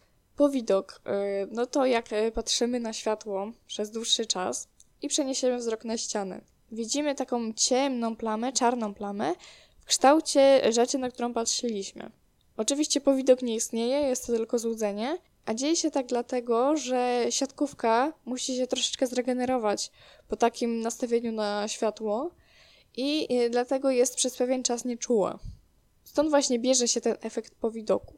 No i przedostatnia rzecz, o której chcę powiedzieć, to jest percepcja odległości i głębi. Yy, mamy mm, pewne takie mechanizmy, które pozwalają nam oceniać, czy to coś jest dalej yy, niż yy, coś innego. Wykorzystujemy tutaj cechy tak zwane jednooczne i cechy dwuoczne. Jesteśmy w stanie ocenić głębię po tym, mm, po czym znamy tak jak mówiłam na początku audycji, e, znamy pewien wymiar człowieka, E, znamy wymiar na, na przykład psa i my jesteśmy w stanie stwierdzić, że pies jest mniejszy od człowieka. I jeżeli na przykład widzimy, że pies jest jakimś cudem większy od człowieka, to możemy zakładać, że mm, jest y, ten pies bliżej niż ten człowiek. Po prostu są założone te po- proporcje i my czujemy, że jest różnica odległości. Tak samo jest z perspektywą ulicy. Widzimy, że ulica się zwęża, że budynki się zmniejszają. Też po tym jesteśmy w stanie stwierdzić, że ta ulica, że ta ulica gdzieś tam jest dalej. To są takie cechy tak zwane właśnie jednooczne, które pozwalają nam bez udziału obojgu oczu stwierdzić, że coś jest dalej niż coś innego. Na przykład osoby, które mają jedno oko, posługują się właśnie tymi cechami. Mamy też cechy dwuoczne i są to y, stereopsja i zjawisko konwergencji. Co to jest stereopsja? Stereopsja to jest e, to, że my z obojga naszych oczu widzimy różne obrazy. Z prawego oka widzimy inny obraz, z lewego widzimy inny obraz. Kiedy spojrzymy sobie na jeden obiekt i zamkniemy jedno oko, potem drugie oko, to mm, widzimy po prostu dwa różne obrazy, które się na siebie nakładają. No właśnie, nakładają się na siebie. Więc one tworzą pewien obraz trójwymiarowy, który pozwala nam oceniać głębię i odległość. Tak samo z konwergencją, czyli zjawiskiem zwę em, zwężania pola widzenia i rozszerzania. Kiedy coś jest bliżej nas, nasze oczy schodzą się do siebie, mamy takie w gałkach ocznych mięśnie, które mm, to odbierają, które to rejestrują i mózg y, jest w stanie stwierdzić, gdzie mniej więcej jest ten obiekt. Jest w stanie, można powiedzieć, obliczyć jego odległość.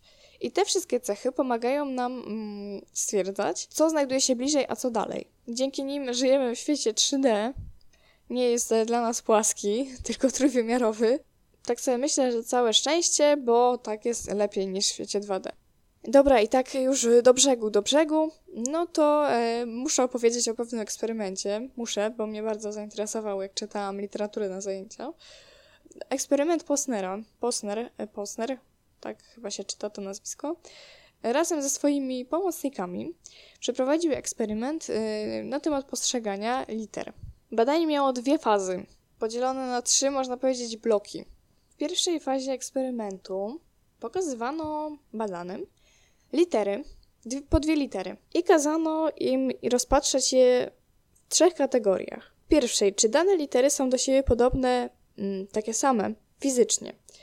Czyli, czy na przykład duże A i duże A występuje, małe A, małe A i tak dalej, i tak dalej. Czy one po prostu wyglądają tak samo. Drugą kategorią było to, czy one to samo znaczą. Czyli na przykład duże A i małe A nadal znaczy A. Tak samo z B, z C i tak dalej. Trzecia kategoria to było mm, pewne polecenie, na przykład sprawdź, czy dane litery obydwie są samogłoskami, spółgłoskami i tym podobne. Czyli można w sumie powiedzieć, że to były trzy stopnie trudności. Tak, mniej więcej można stwierdzić. Ten test nawet jest w internecie, z tego co ja widziałam, także jak coś to zapraszam. No i tak jak się spodziewano, w tej pierwszej fazie, kiedy litery były pokazywane po dwie, rzeczywiście można było stwierdzić, że to są poziomy trudności, ponieważ najlepiej właśnie szło porównywanie e, liter pod względem mm, właściwości fizycznych, później pod względem mm, znaczeniowym, a dopiero na końcu e, pod względem jakiejś instrukcji, bo to było po prostu najtrudniejsze. Ale co zdziwiło badaczy, to kiedy litery były pokazywane pojedynczo, to znaczy jedna litera, potem druga litera następnie, to wyniki się okazały zgoła inne. Okazało się, że najłatwiej wypadają e, testy, e, w których e, osoby miały określić znaczenie danych liter. Dopiero na drugim miejscu były cechy fizyczne. Czyli na przykład ludzie byli w stanie stwierdzić, że obydwie litery są literą A, a dopiero później stwierdzali, że one są takie same lub różne pod względem wyglądu. I ktoś zapyta why. No to ja odpowiadam, że y, widząc pierwszą literę, już określamy, co widzimy.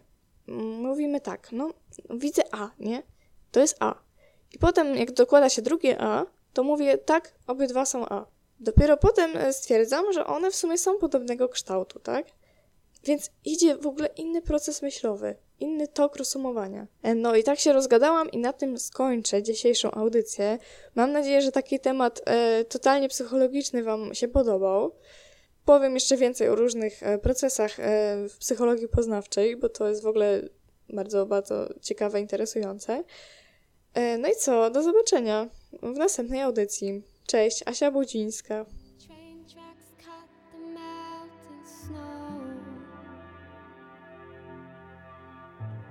And towers slice the clouds into. I hope you're looking out your window too, as sunlight burns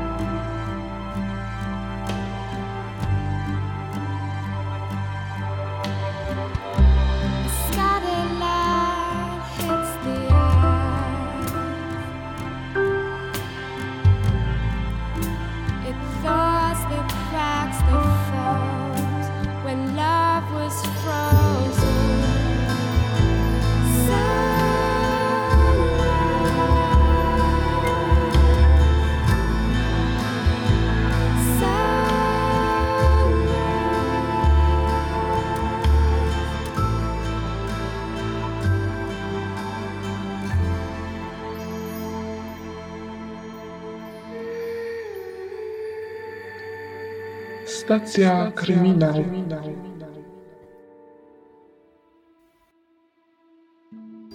Siemanko, tu Kinga i witam Was w kolejnym wydaniu Stacji Kryminał.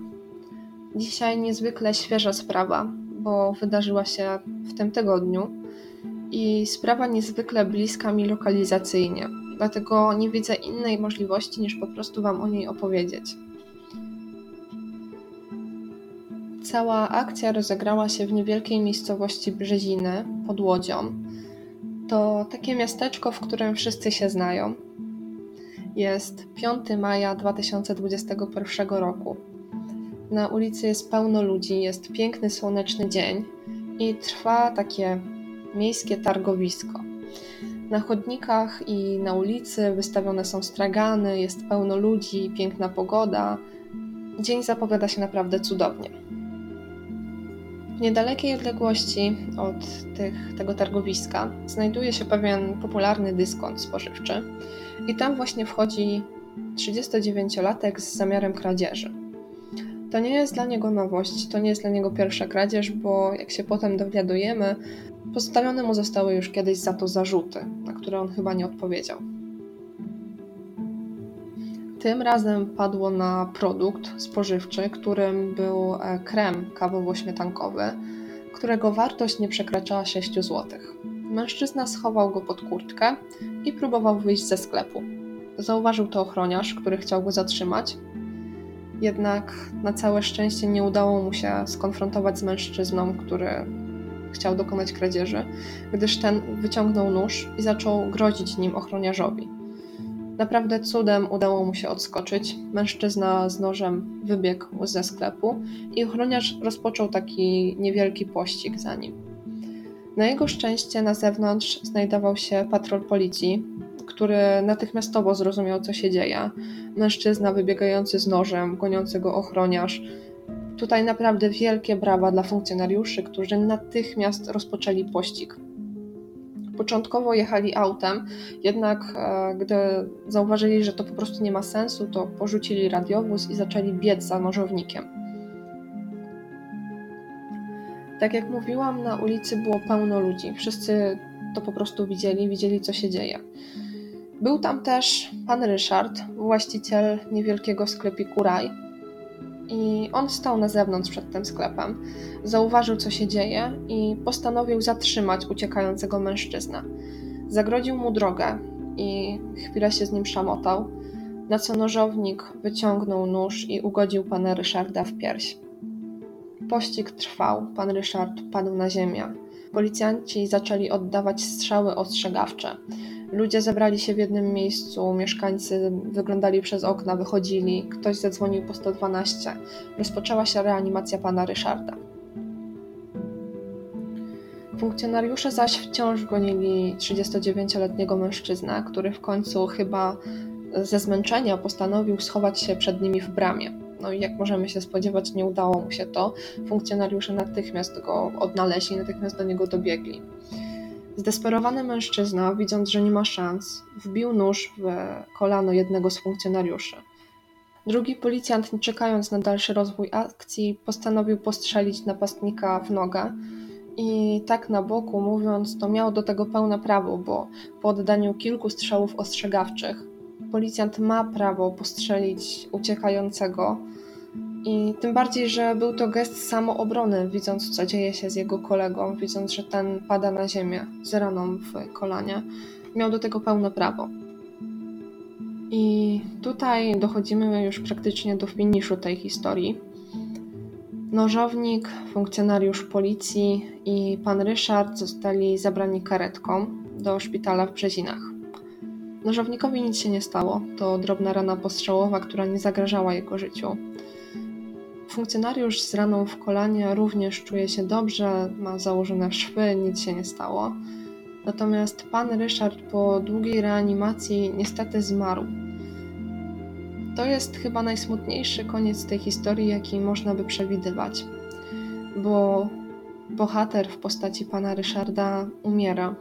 Umiera broniąc tak naprawdę mieszkańców, chcąc pomóc funkcjonariuszom policji. I wszystko to w imię kremu kawowego, który nie był nawet wart 6 zł. Niezwykle przykre i niezwykle niespodziewane, bo to był piękny dzień, środek dnia. Pełno ludzi na ulicach, patrol policji w pobliżu. I dzieje się rzecz, której po prostu nie da się przewidzieć i której po prostu nie da się spodziewać. To jest okropny dowód na to, że zło naprawdę czai się wszędzie i może nas dopaść zawsze. Na ten moment nożownikowi zostały postawione zarzuty. On natomiast nie przyznaje się do winy i odmawia składania zeznań. Prokuratura wydała więc e, nakaz, że mm, następne trzy miesiące nożownik spędzi w areszcie, aż do rozpoczęcia procesu. A ten będzie długi i mam nadzieję sprawiedliwy, bo mężczyźnie grozi dożywocie. Miejmy tylko nadzieję, że nie będzie on utrudniał procesu i odda sprawiedliwość chociażby rodzinie, którą osierocił pan Ryszard. Zostawił tutaj zrozpaczoną żonę i dwójkę dzieci. Burmistrz miasta i internauci obiecują, że nie zostawią rodziny pana Ryszarda samych i będą wspierać ich nie tylko finansowo, ale również emocjonalnie i psychicznie. To taki drobny aspekt, który lekko nas w tej historii pociesza, że ludzie potrafią jednak być życzliwi i potrafią się zjednoczyć w imię pokrzywdzonego, w imię cichego bohatera, który pojawił się znikąd i tak szybko jak się pojawił, tak szybko zniknął.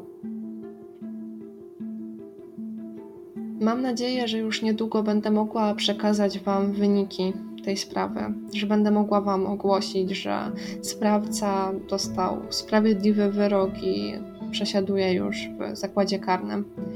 oczekuje na to tak bardzo, jak i cała Polska.